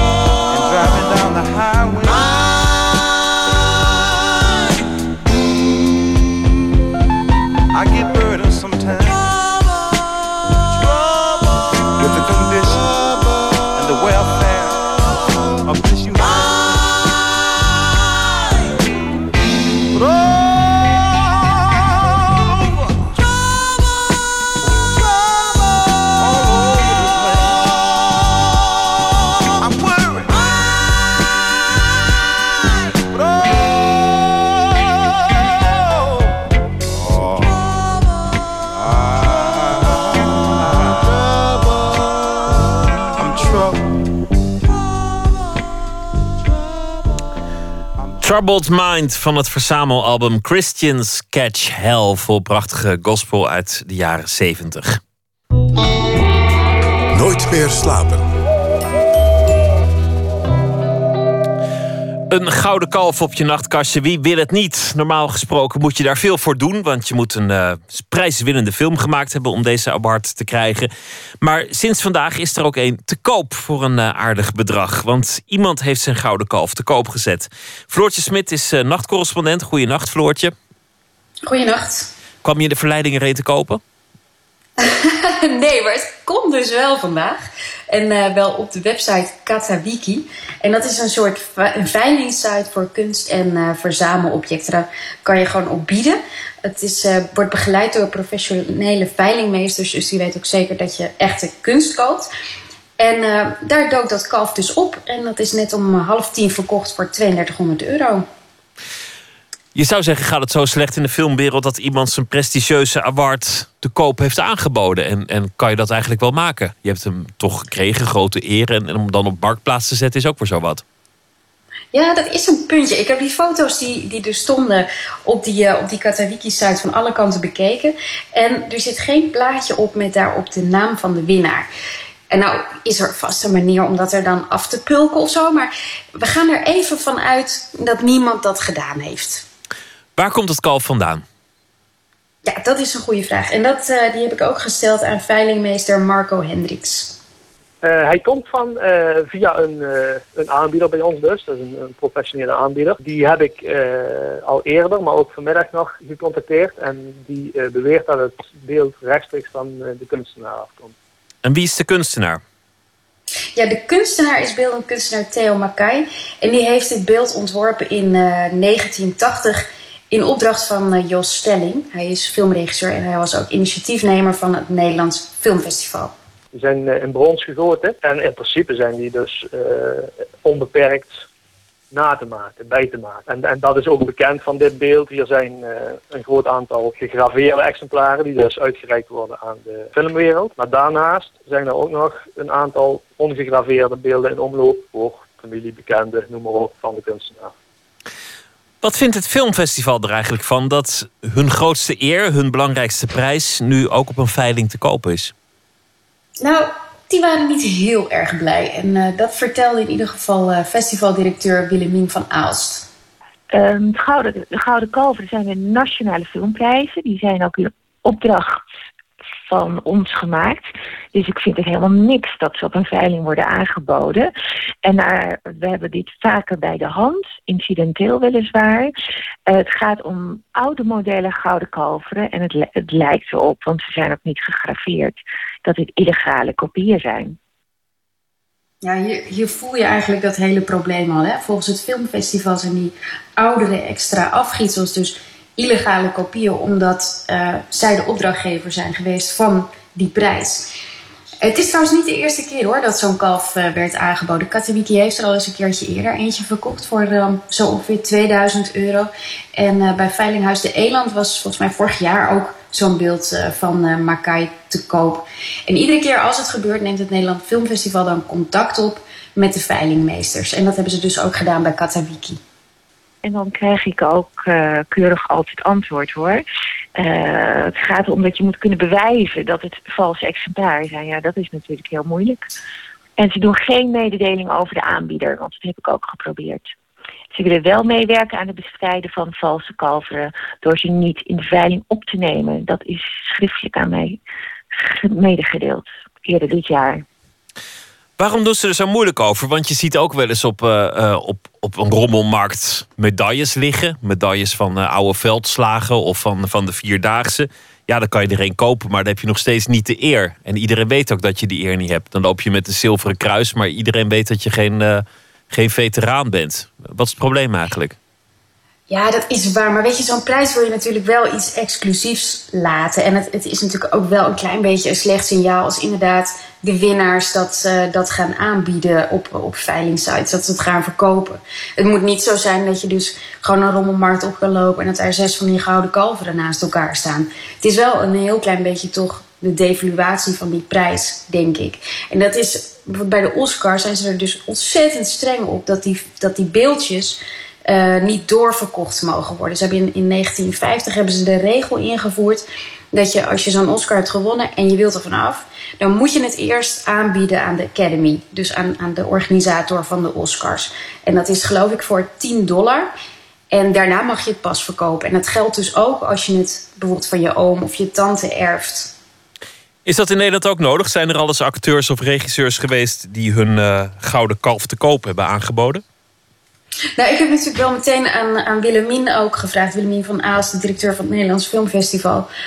Of uh, het nodig is dat er zo'n regeling komt, ook in Nederland. Nee, dat hebben wij niet. En dat vind ik ook niet nodig, omdat ik er echt op vertrouw dat onze winnaars zo trots zijn op het Gouden Kalf. En het ook niet ja, ter veiling of verkoop aanbieden. Ik heb tot nu toe geen aanleiding gehad om, om daar werk van te maken ja, het, maakt het ook niet heel veel makkelijker hoor, moet ik zeggen, zo'n uh, zo'n regel. Want ik zie nog steeds heel regelmatig dat die, uh, dat die Oscars aangeboden worden. Dan spant de Academy weer een rechtszaak in. Uh, dit jaar bijvoorbeeld nog.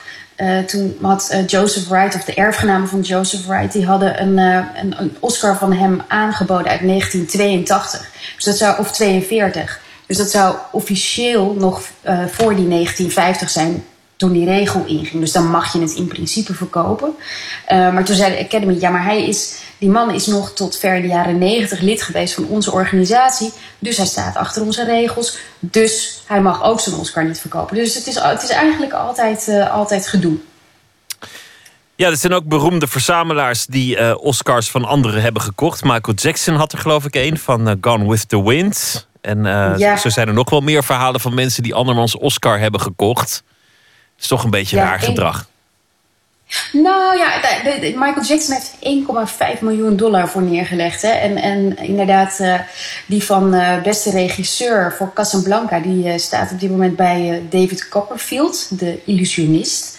En hij zei eigenlijk, en dat is wel grappig... die zei, hij kan beter bij mij staan, dat ik hem zie ter inspiratie... dan dat hij ergens bij zo'n, uh, ja, bij, bij de Academy ergens in een kastje staat naast een heleboel andere Oscars. Waar die eigenlijk ja, geen enkel doel dient. Ja, ja, maar je kunt andermans beeld wel op je gangkast zetten. Of je kunt wel uh, andermans medaille jezelf opprikken. Dat wil nog niet zeggen dat je iets gepresteerd hebt. Dankjewel, Floortje Smit. En een goede nacht. Goeienacht. Billy Martin, een uh, jonge Britse zangeres, heeft een uh, EP gemaakt eerder dit jaar. As Long As was daarvan de titel. En het stuk heet Roots.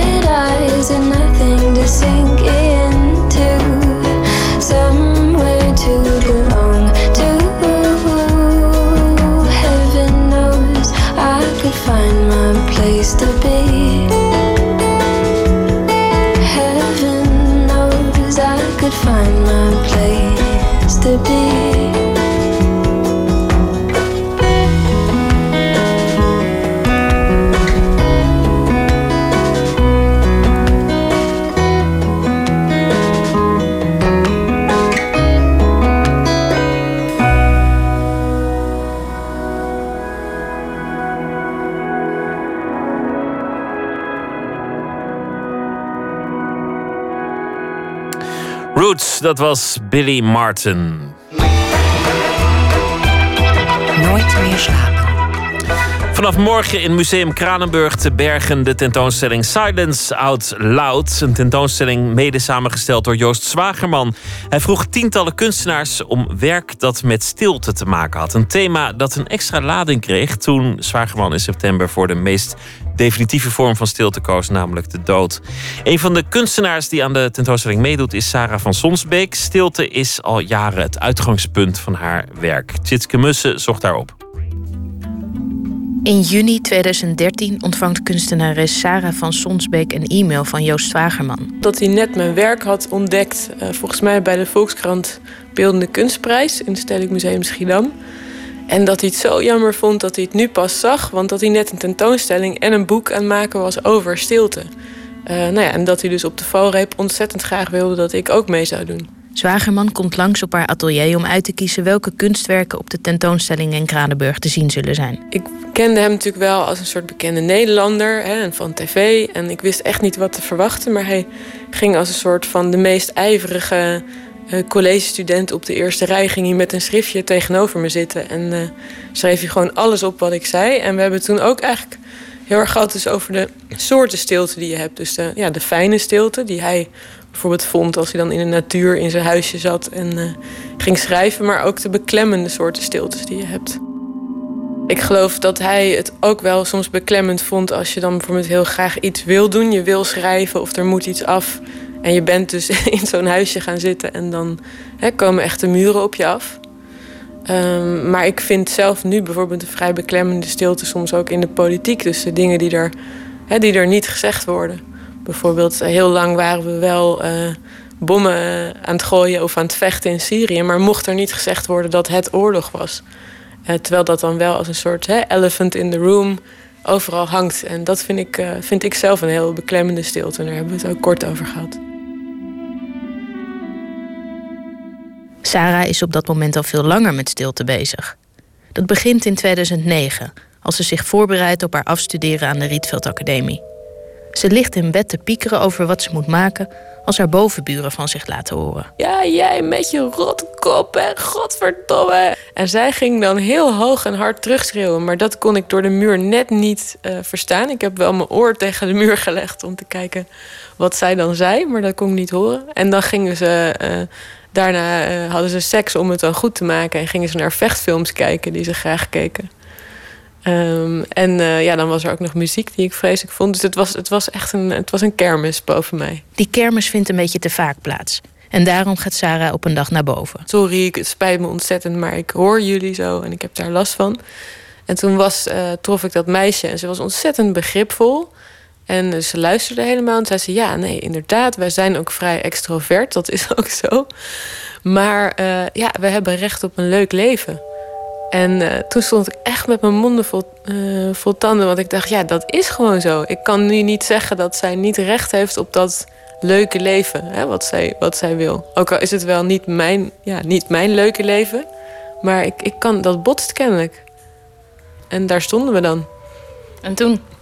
Ja, toen heb ik in een woedebui heb ik een oude uh, telefoonrekening gepakt. En daar uh, waar alleen maar wat getalletjes op stonden. En daar een soort met T-Pex overheen. En dan met de printer een briefje gemaakt. Beste bovenburen, graag wil ik jullie vragen dat deel van mijn huur te betalen. Dat jullie innemen in mijn huis met jullie geluid. Het briefje wordt onderdeel van haar afstudeerproject. Dus ik heb toen ook een heel boek over mijn buren gemaakt. En ik heb samen met een geluidsman heb ik hun uh, geluid opgenomen. Dus met surround sound onder het plafond. En dan hebben we een compilatie gemaakt van hun ergste avond in 10 minuten. En die had ik dan weer in het verlaagd plafond van de Rietveld verstopt. Ja, was echt leuk. Maar stilte gaat bij Sarah van Sonsbeek niet alleen over de afwezigheid van geluid. Op de tentoonstelling in Kranenburg is een speciale tas van haar te zien, de Faraday-tas. Geïnspireerd op haar toenmalige geliefde die de hele tijd met zijn telefoon bezig was. Uh, en dan zit je ergens te eten en dan, uh, nou ja, dan, je kent het wel, dan zit degene tegenover jou zo zijn appjes te bekijken en allerlei dingen. Instagram, Facebook. En toen dacht ik, ja, uh, hè, wat erg eigenlijk. Ik wil een soort draagbare stilte. Dus ik wil iets dat je, als je dat wil, dat je ook de, die data uit de lucht kan vissen. en omdat ik geloof dat het gewoon soms heel belangrijk is om even niks te doen te hebben. Dat daar een soort focus komt. Um, dus toen heb ik een tas gemaakt. Als je daar, he, deze tas, als hij daar zijn telefoon in zou doen, dan uh, gaat hij niet meer af. Dus dan heeft hij gewoon geen bereik. Dat is door dat zilver. Precies. Dus dat zilver werkt omdat het metaal is en uh, elektriciteit kan geleiden, werkt het als een kooi van Faraday. En dat is eigenlijk. Uh, klinkt misschien ingewikkeld, maar dat kent iedereen wel. Dat je bijvoorbeeld in een lift je telefoon het niet doet. Dat is hetzelfde idee. Dus in een metalen kooi of een metalen omhulsel kan die straling, zoals van je telefoon, niet naar binnen en naar buiten en werkt die dus niet. Stilte is een schaars goed aan het worden, ontdekte Sarah. Maar niet alleen dus omdat we bellen, maar bijvoorbeeld ook omdat we steeds meer gecontroleerd worden. He, want dat merkte ik toen uh, ik erachter kwam. Ik kreeg ook heel boze mails naar het aanleiding van deze tas. En iemand zei van ja, weet je wel wat jij gemaakt hebt? Je hebt een booster bag gemaakt. Nou, ik moest echt opzoeken wat dat was. Maar... Weet ik ook niet. Nee, dat is dus een tas waarmee je door de magneetpoortjes kan en kan jatten.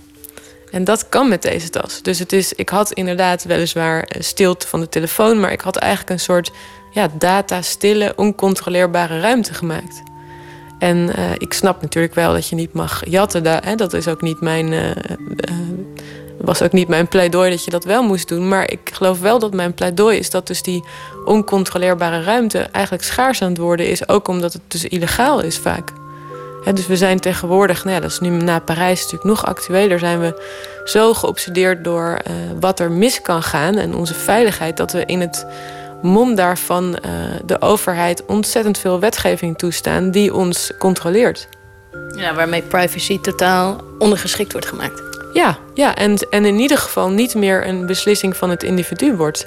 En dat, dat ik geloof, dat laatste vind ik het meest. Uh, problematisch. Dus je kunt niet meer kiezen van ik wil, ik wil nu even niet eh, dat mensen het even niet zien. Dat die keuze ligt niet meer bij jou. En ik snap het wel natuurlijk vanuit de, ja, vanuit de terrorismebestrijding, maar ik vind het tegelijk ook ontzettend zorgelijk eigenlijk. Wat leveren we ervoor in? En, en hoeveel is ingegeven uit angst en wat is werkelijk nodig? En hoe zit het dan eigenlijk met ons recht op stilte? Bestaat dat, het recht op stilte? Vroeg Sarah van Sonsbeek aan een rechter. En toen zei hij, nou, uh, niet echt, maar er is wel het recht op eerbiediging van levenssfeer. Zoiets, ik zeg het vast verkeerd. En dat betekent dus dat jij het recht hebt, ja, dat jij een soort privésfeer hebt. Vaak dan jouw huis, hè, maar bijvoorbeeld ook jouw, zoals we het portretrecht hebben. Dus ik mag niet zomaar jouw foto maken en die dan op een billboard zetten zonder jouw toestemming. Uh, dus we hebben gewoon wel een soort van recht op privacy. Alleen dat is heel, ja, dat is ontzettend vaag omschreven. En er is natuurlijk sindsdien zoveel technologie bijgekomen, zoals dit kraken van een telefoon. En al deze rechten zijn, uh, hè, dus op afstand meekijken. En ik, ja, ik denk dat uh, dit recht dus vervalt op het moment dat je een vermoeden kan hebben van terrorisme. Maar ja, wat is dat vermoeden dan? He, moet, jij, moet jij in dezelfde wijk wonen als een vermeende terrorist? Wanneer mag je eigenlijk in iemands privésfeer ingrijpen? Ja, ik zou het daar wel eens over willen hebben. Dat ingrijpen in de privésfeer gebeurt tegenwoordig ook veel met drones. In oorlogsgebieden bijvoorbeeld. Daarom maakte Sarah een tent van goudkleurige veiligheidsdekens... die ook wel gebruikt worden om bijvoorbeeld drenkelingen warm te houden. De anti-drone tent. Ja, als een soort persoonlijke Occupy. Je had de Occupy-beweging met die tentjes. Maar ik dacht, we moeten eigenlijk onze, uh, ja, onze stilte onze onzichtbaarheid terugpakken wat betreft die, die drones. Dus als je een tentje maakt van die veiligheidsdeken, dan houdt hij jouw lichaamswarmte binnen en kan een drone, voor zover die op eh, naar mensen zoekt met een hittecamera, want dat is een van de technieken die ze gebruiken, eh, ben jij dus niet te zien. Dus je creëert daarmee een soort van ja, Harry Potter invisibility cloak. Maar onlangs kwam ze erachter dat de Taliban op hetzelfde idee was gekomen. Ze maken er dan geen tentje van. Dat zijn alleen de, de kunstenaars zoals ik. Maar ze doen daar gewoon, ze leggen dat over zichzelf heen en kruipen dan uh, over de grond. Terwijl ze onder die folie blijven. En dan zijn ze dus onzichtbaar voor drones. Er was dus een soort artikel waar iemand op wees en daar stond: This artist had the same idea the Taliban had. Ik dacht, ik weet niet of dat wel zo goed is. Eigenlijk zou Sarah alleen bestaand werk laten zien op de tentoonstelling in Kranenburg. Maar toen maakte Joost Zwageman een einde aan zijn leven. En toen dacht ik, jee, uh, ja, ik vind dat ik daar iets mee moet doen. Dus toen ben ik inderdaad een werk gaan maken, eigenlijk als een soort, uh, ja, geïnspireerd door hem.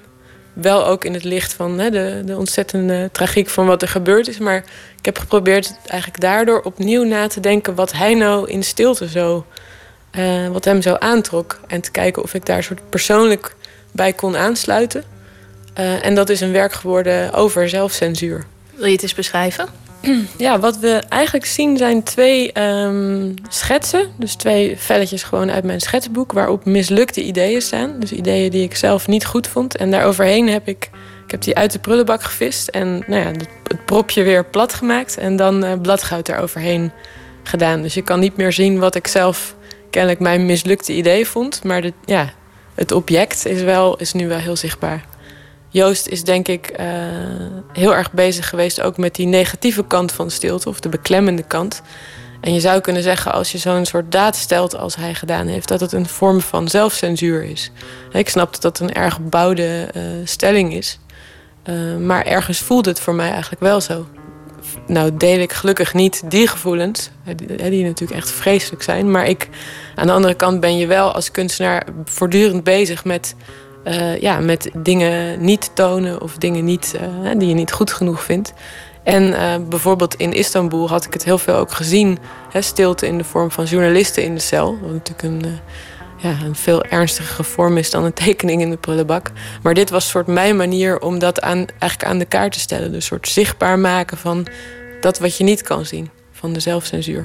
En ik denk dus die kant van, de kant van de censuur, maar ook van dus de stilte die we verliezen, de privacy die we verliezen, dat dat iets is wat meer dan ooit actueel is. Dus ik vind dat we, ja, dat we daar ons door moeten laten inspireren en van moeten leren. Uh, nou ja, door Joost eigenlijk. Sarah Sonsbeek was dat. En behalve haar werk is op de tentoonstelling Silence Loud ook kunst te zien van Marlene Dumas en Rieneke Dijkstra en Koos Breukel. Tot en met 12 juni te zien in Bergen, Noord-Holland in Museum Kranenburg. Een bijdrage van Tjitske Mussen. Het uh, verhaal van Sandra Bland. Dat was uh, een van die verhalen van een uh, Afro-Amerikaans slachtoffer van politiegeweld.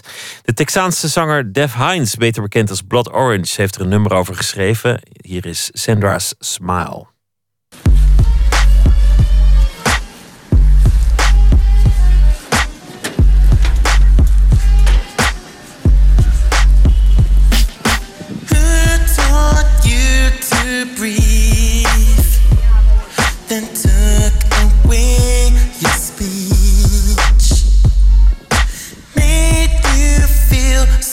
Loved, then shook your hand with gloves. You watched her pass away. The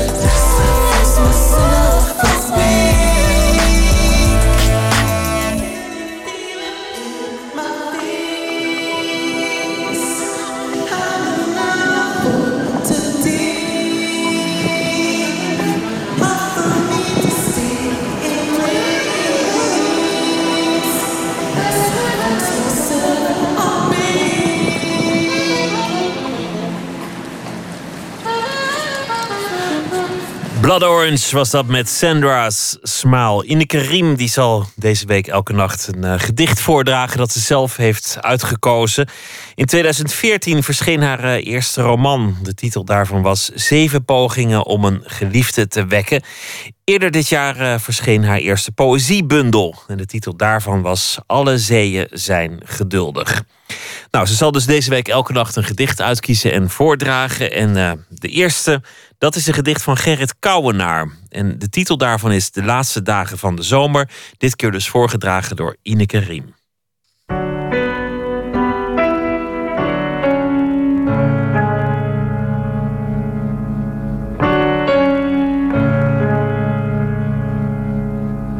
De laatste dagen van de zomer is een gedicht van Gerrit Kouwenaar. Dat hij eh, ooit schreef voor de verjaardag van Remco Kampert in 1989. Eh, het gedicht stond een paar jaar terug in de krant toen eh Kouwenaar 90 werd. eh, met een, een commentaar erbij van Mar- Marjoleine de Vos, ook dichter. En zij vertelt waarom ze het zo mooi vindt. En ze zegt bijvoorbeeld ehm, omdat Kouwenaar de taal beheerst en het gevoel en de muziek in dit gedicht. En dat het een krachtige melancholie heeft die zich overal doorheen woelt. Ehm, ik, kan, ik kan daar zelf niet zoveel aan toevoegen, behalve dat het inderdaad heel, heel mooi is. De laatste dagen van de zomer. Trager de wespen. Schaarser de dazen. Groen vliegen grijzer. Engelen gene. Niets dat hier hemelt. Alles brandt lager. Dit zijn de laatste dagen. Men schrijft de laatste stilstand van de zomer, de laatste vlammen van het jaar, van de jaren. Wat er geweest is, is er steeds nog even. En wat men helder ziet, heeft zwarte randen. Men moet zich hier uitschrijven, de tuin in de tuin insluiten. Het geopende boek, het einde besparen, men moet zich verzwijgen. Verzwijg hoe de taal langs de lippen invalt, hoe de grond het gedicht overstelpt. Geen mond zal spreken wat hier overwintert. De balans van 2015. Het was een bewogen jaar. Aanslagen in Parijs, stromen vluchtelingen in Europa, de dood van Joost Zwageman en misschien maakte u privé iets ingrijpends mee. Wij zijn benieuwd. Wat was dit jaar voor u een belangrijke film of cd? Welk boek of toneelstuk heeft uw blik op de wereld verruimd of veranderd? Of heeft u met een bijzonder liedje iemand de liefde verklaard? Laat het ons weten. Stuur een mail naar nooitmeerslapen.vpro.nl en maak kans op een cadeaubon. Uw mooiste verhalen zijn in de kerstweek te horen op de radio. En uh, op Facebook kunt u ook stemmen voor uh, favoriete fragmenten. Want uh, deze week is het alweer de 500ste aflevering van Nooit meer slapen. En daar staan we met een zekere mate van vrolijkheid en relativering toch even bij stil. Want 500, het is nog niet zoveel als de 1 miljoen met het oog op morgens. Maar het is toch een net getal. Dus kijk eens op onze site van Facebook. En dan kunt u stemmen en dingen winnen. Mooie cultuurpakketten en dat soort dingen. Morgen in Nooit meer slapen acteur en regisseur Porgy Fransen. Die komt op bezoek, bekend van heel veel films, televisieseries en theaterstukken. En uh, we gaan het hebben over zijn nieuwe voorstelling Dr. B en ons brein. Hij nodigt het publiek uit bij hem thuis in Amsterdam. En hij onderzoekt de geheimen van de hersenen, het geheugen en ook zijn eigen ervaringen met dat brein. Dat allemaal morgen. Voor nu een hele goede nacht en morgen een leuke dag. En ik hoop dat u morgen weer zult luisteren. Zometeen op NPO Radio 1, de EO. Ik wens u een hele goede nacht.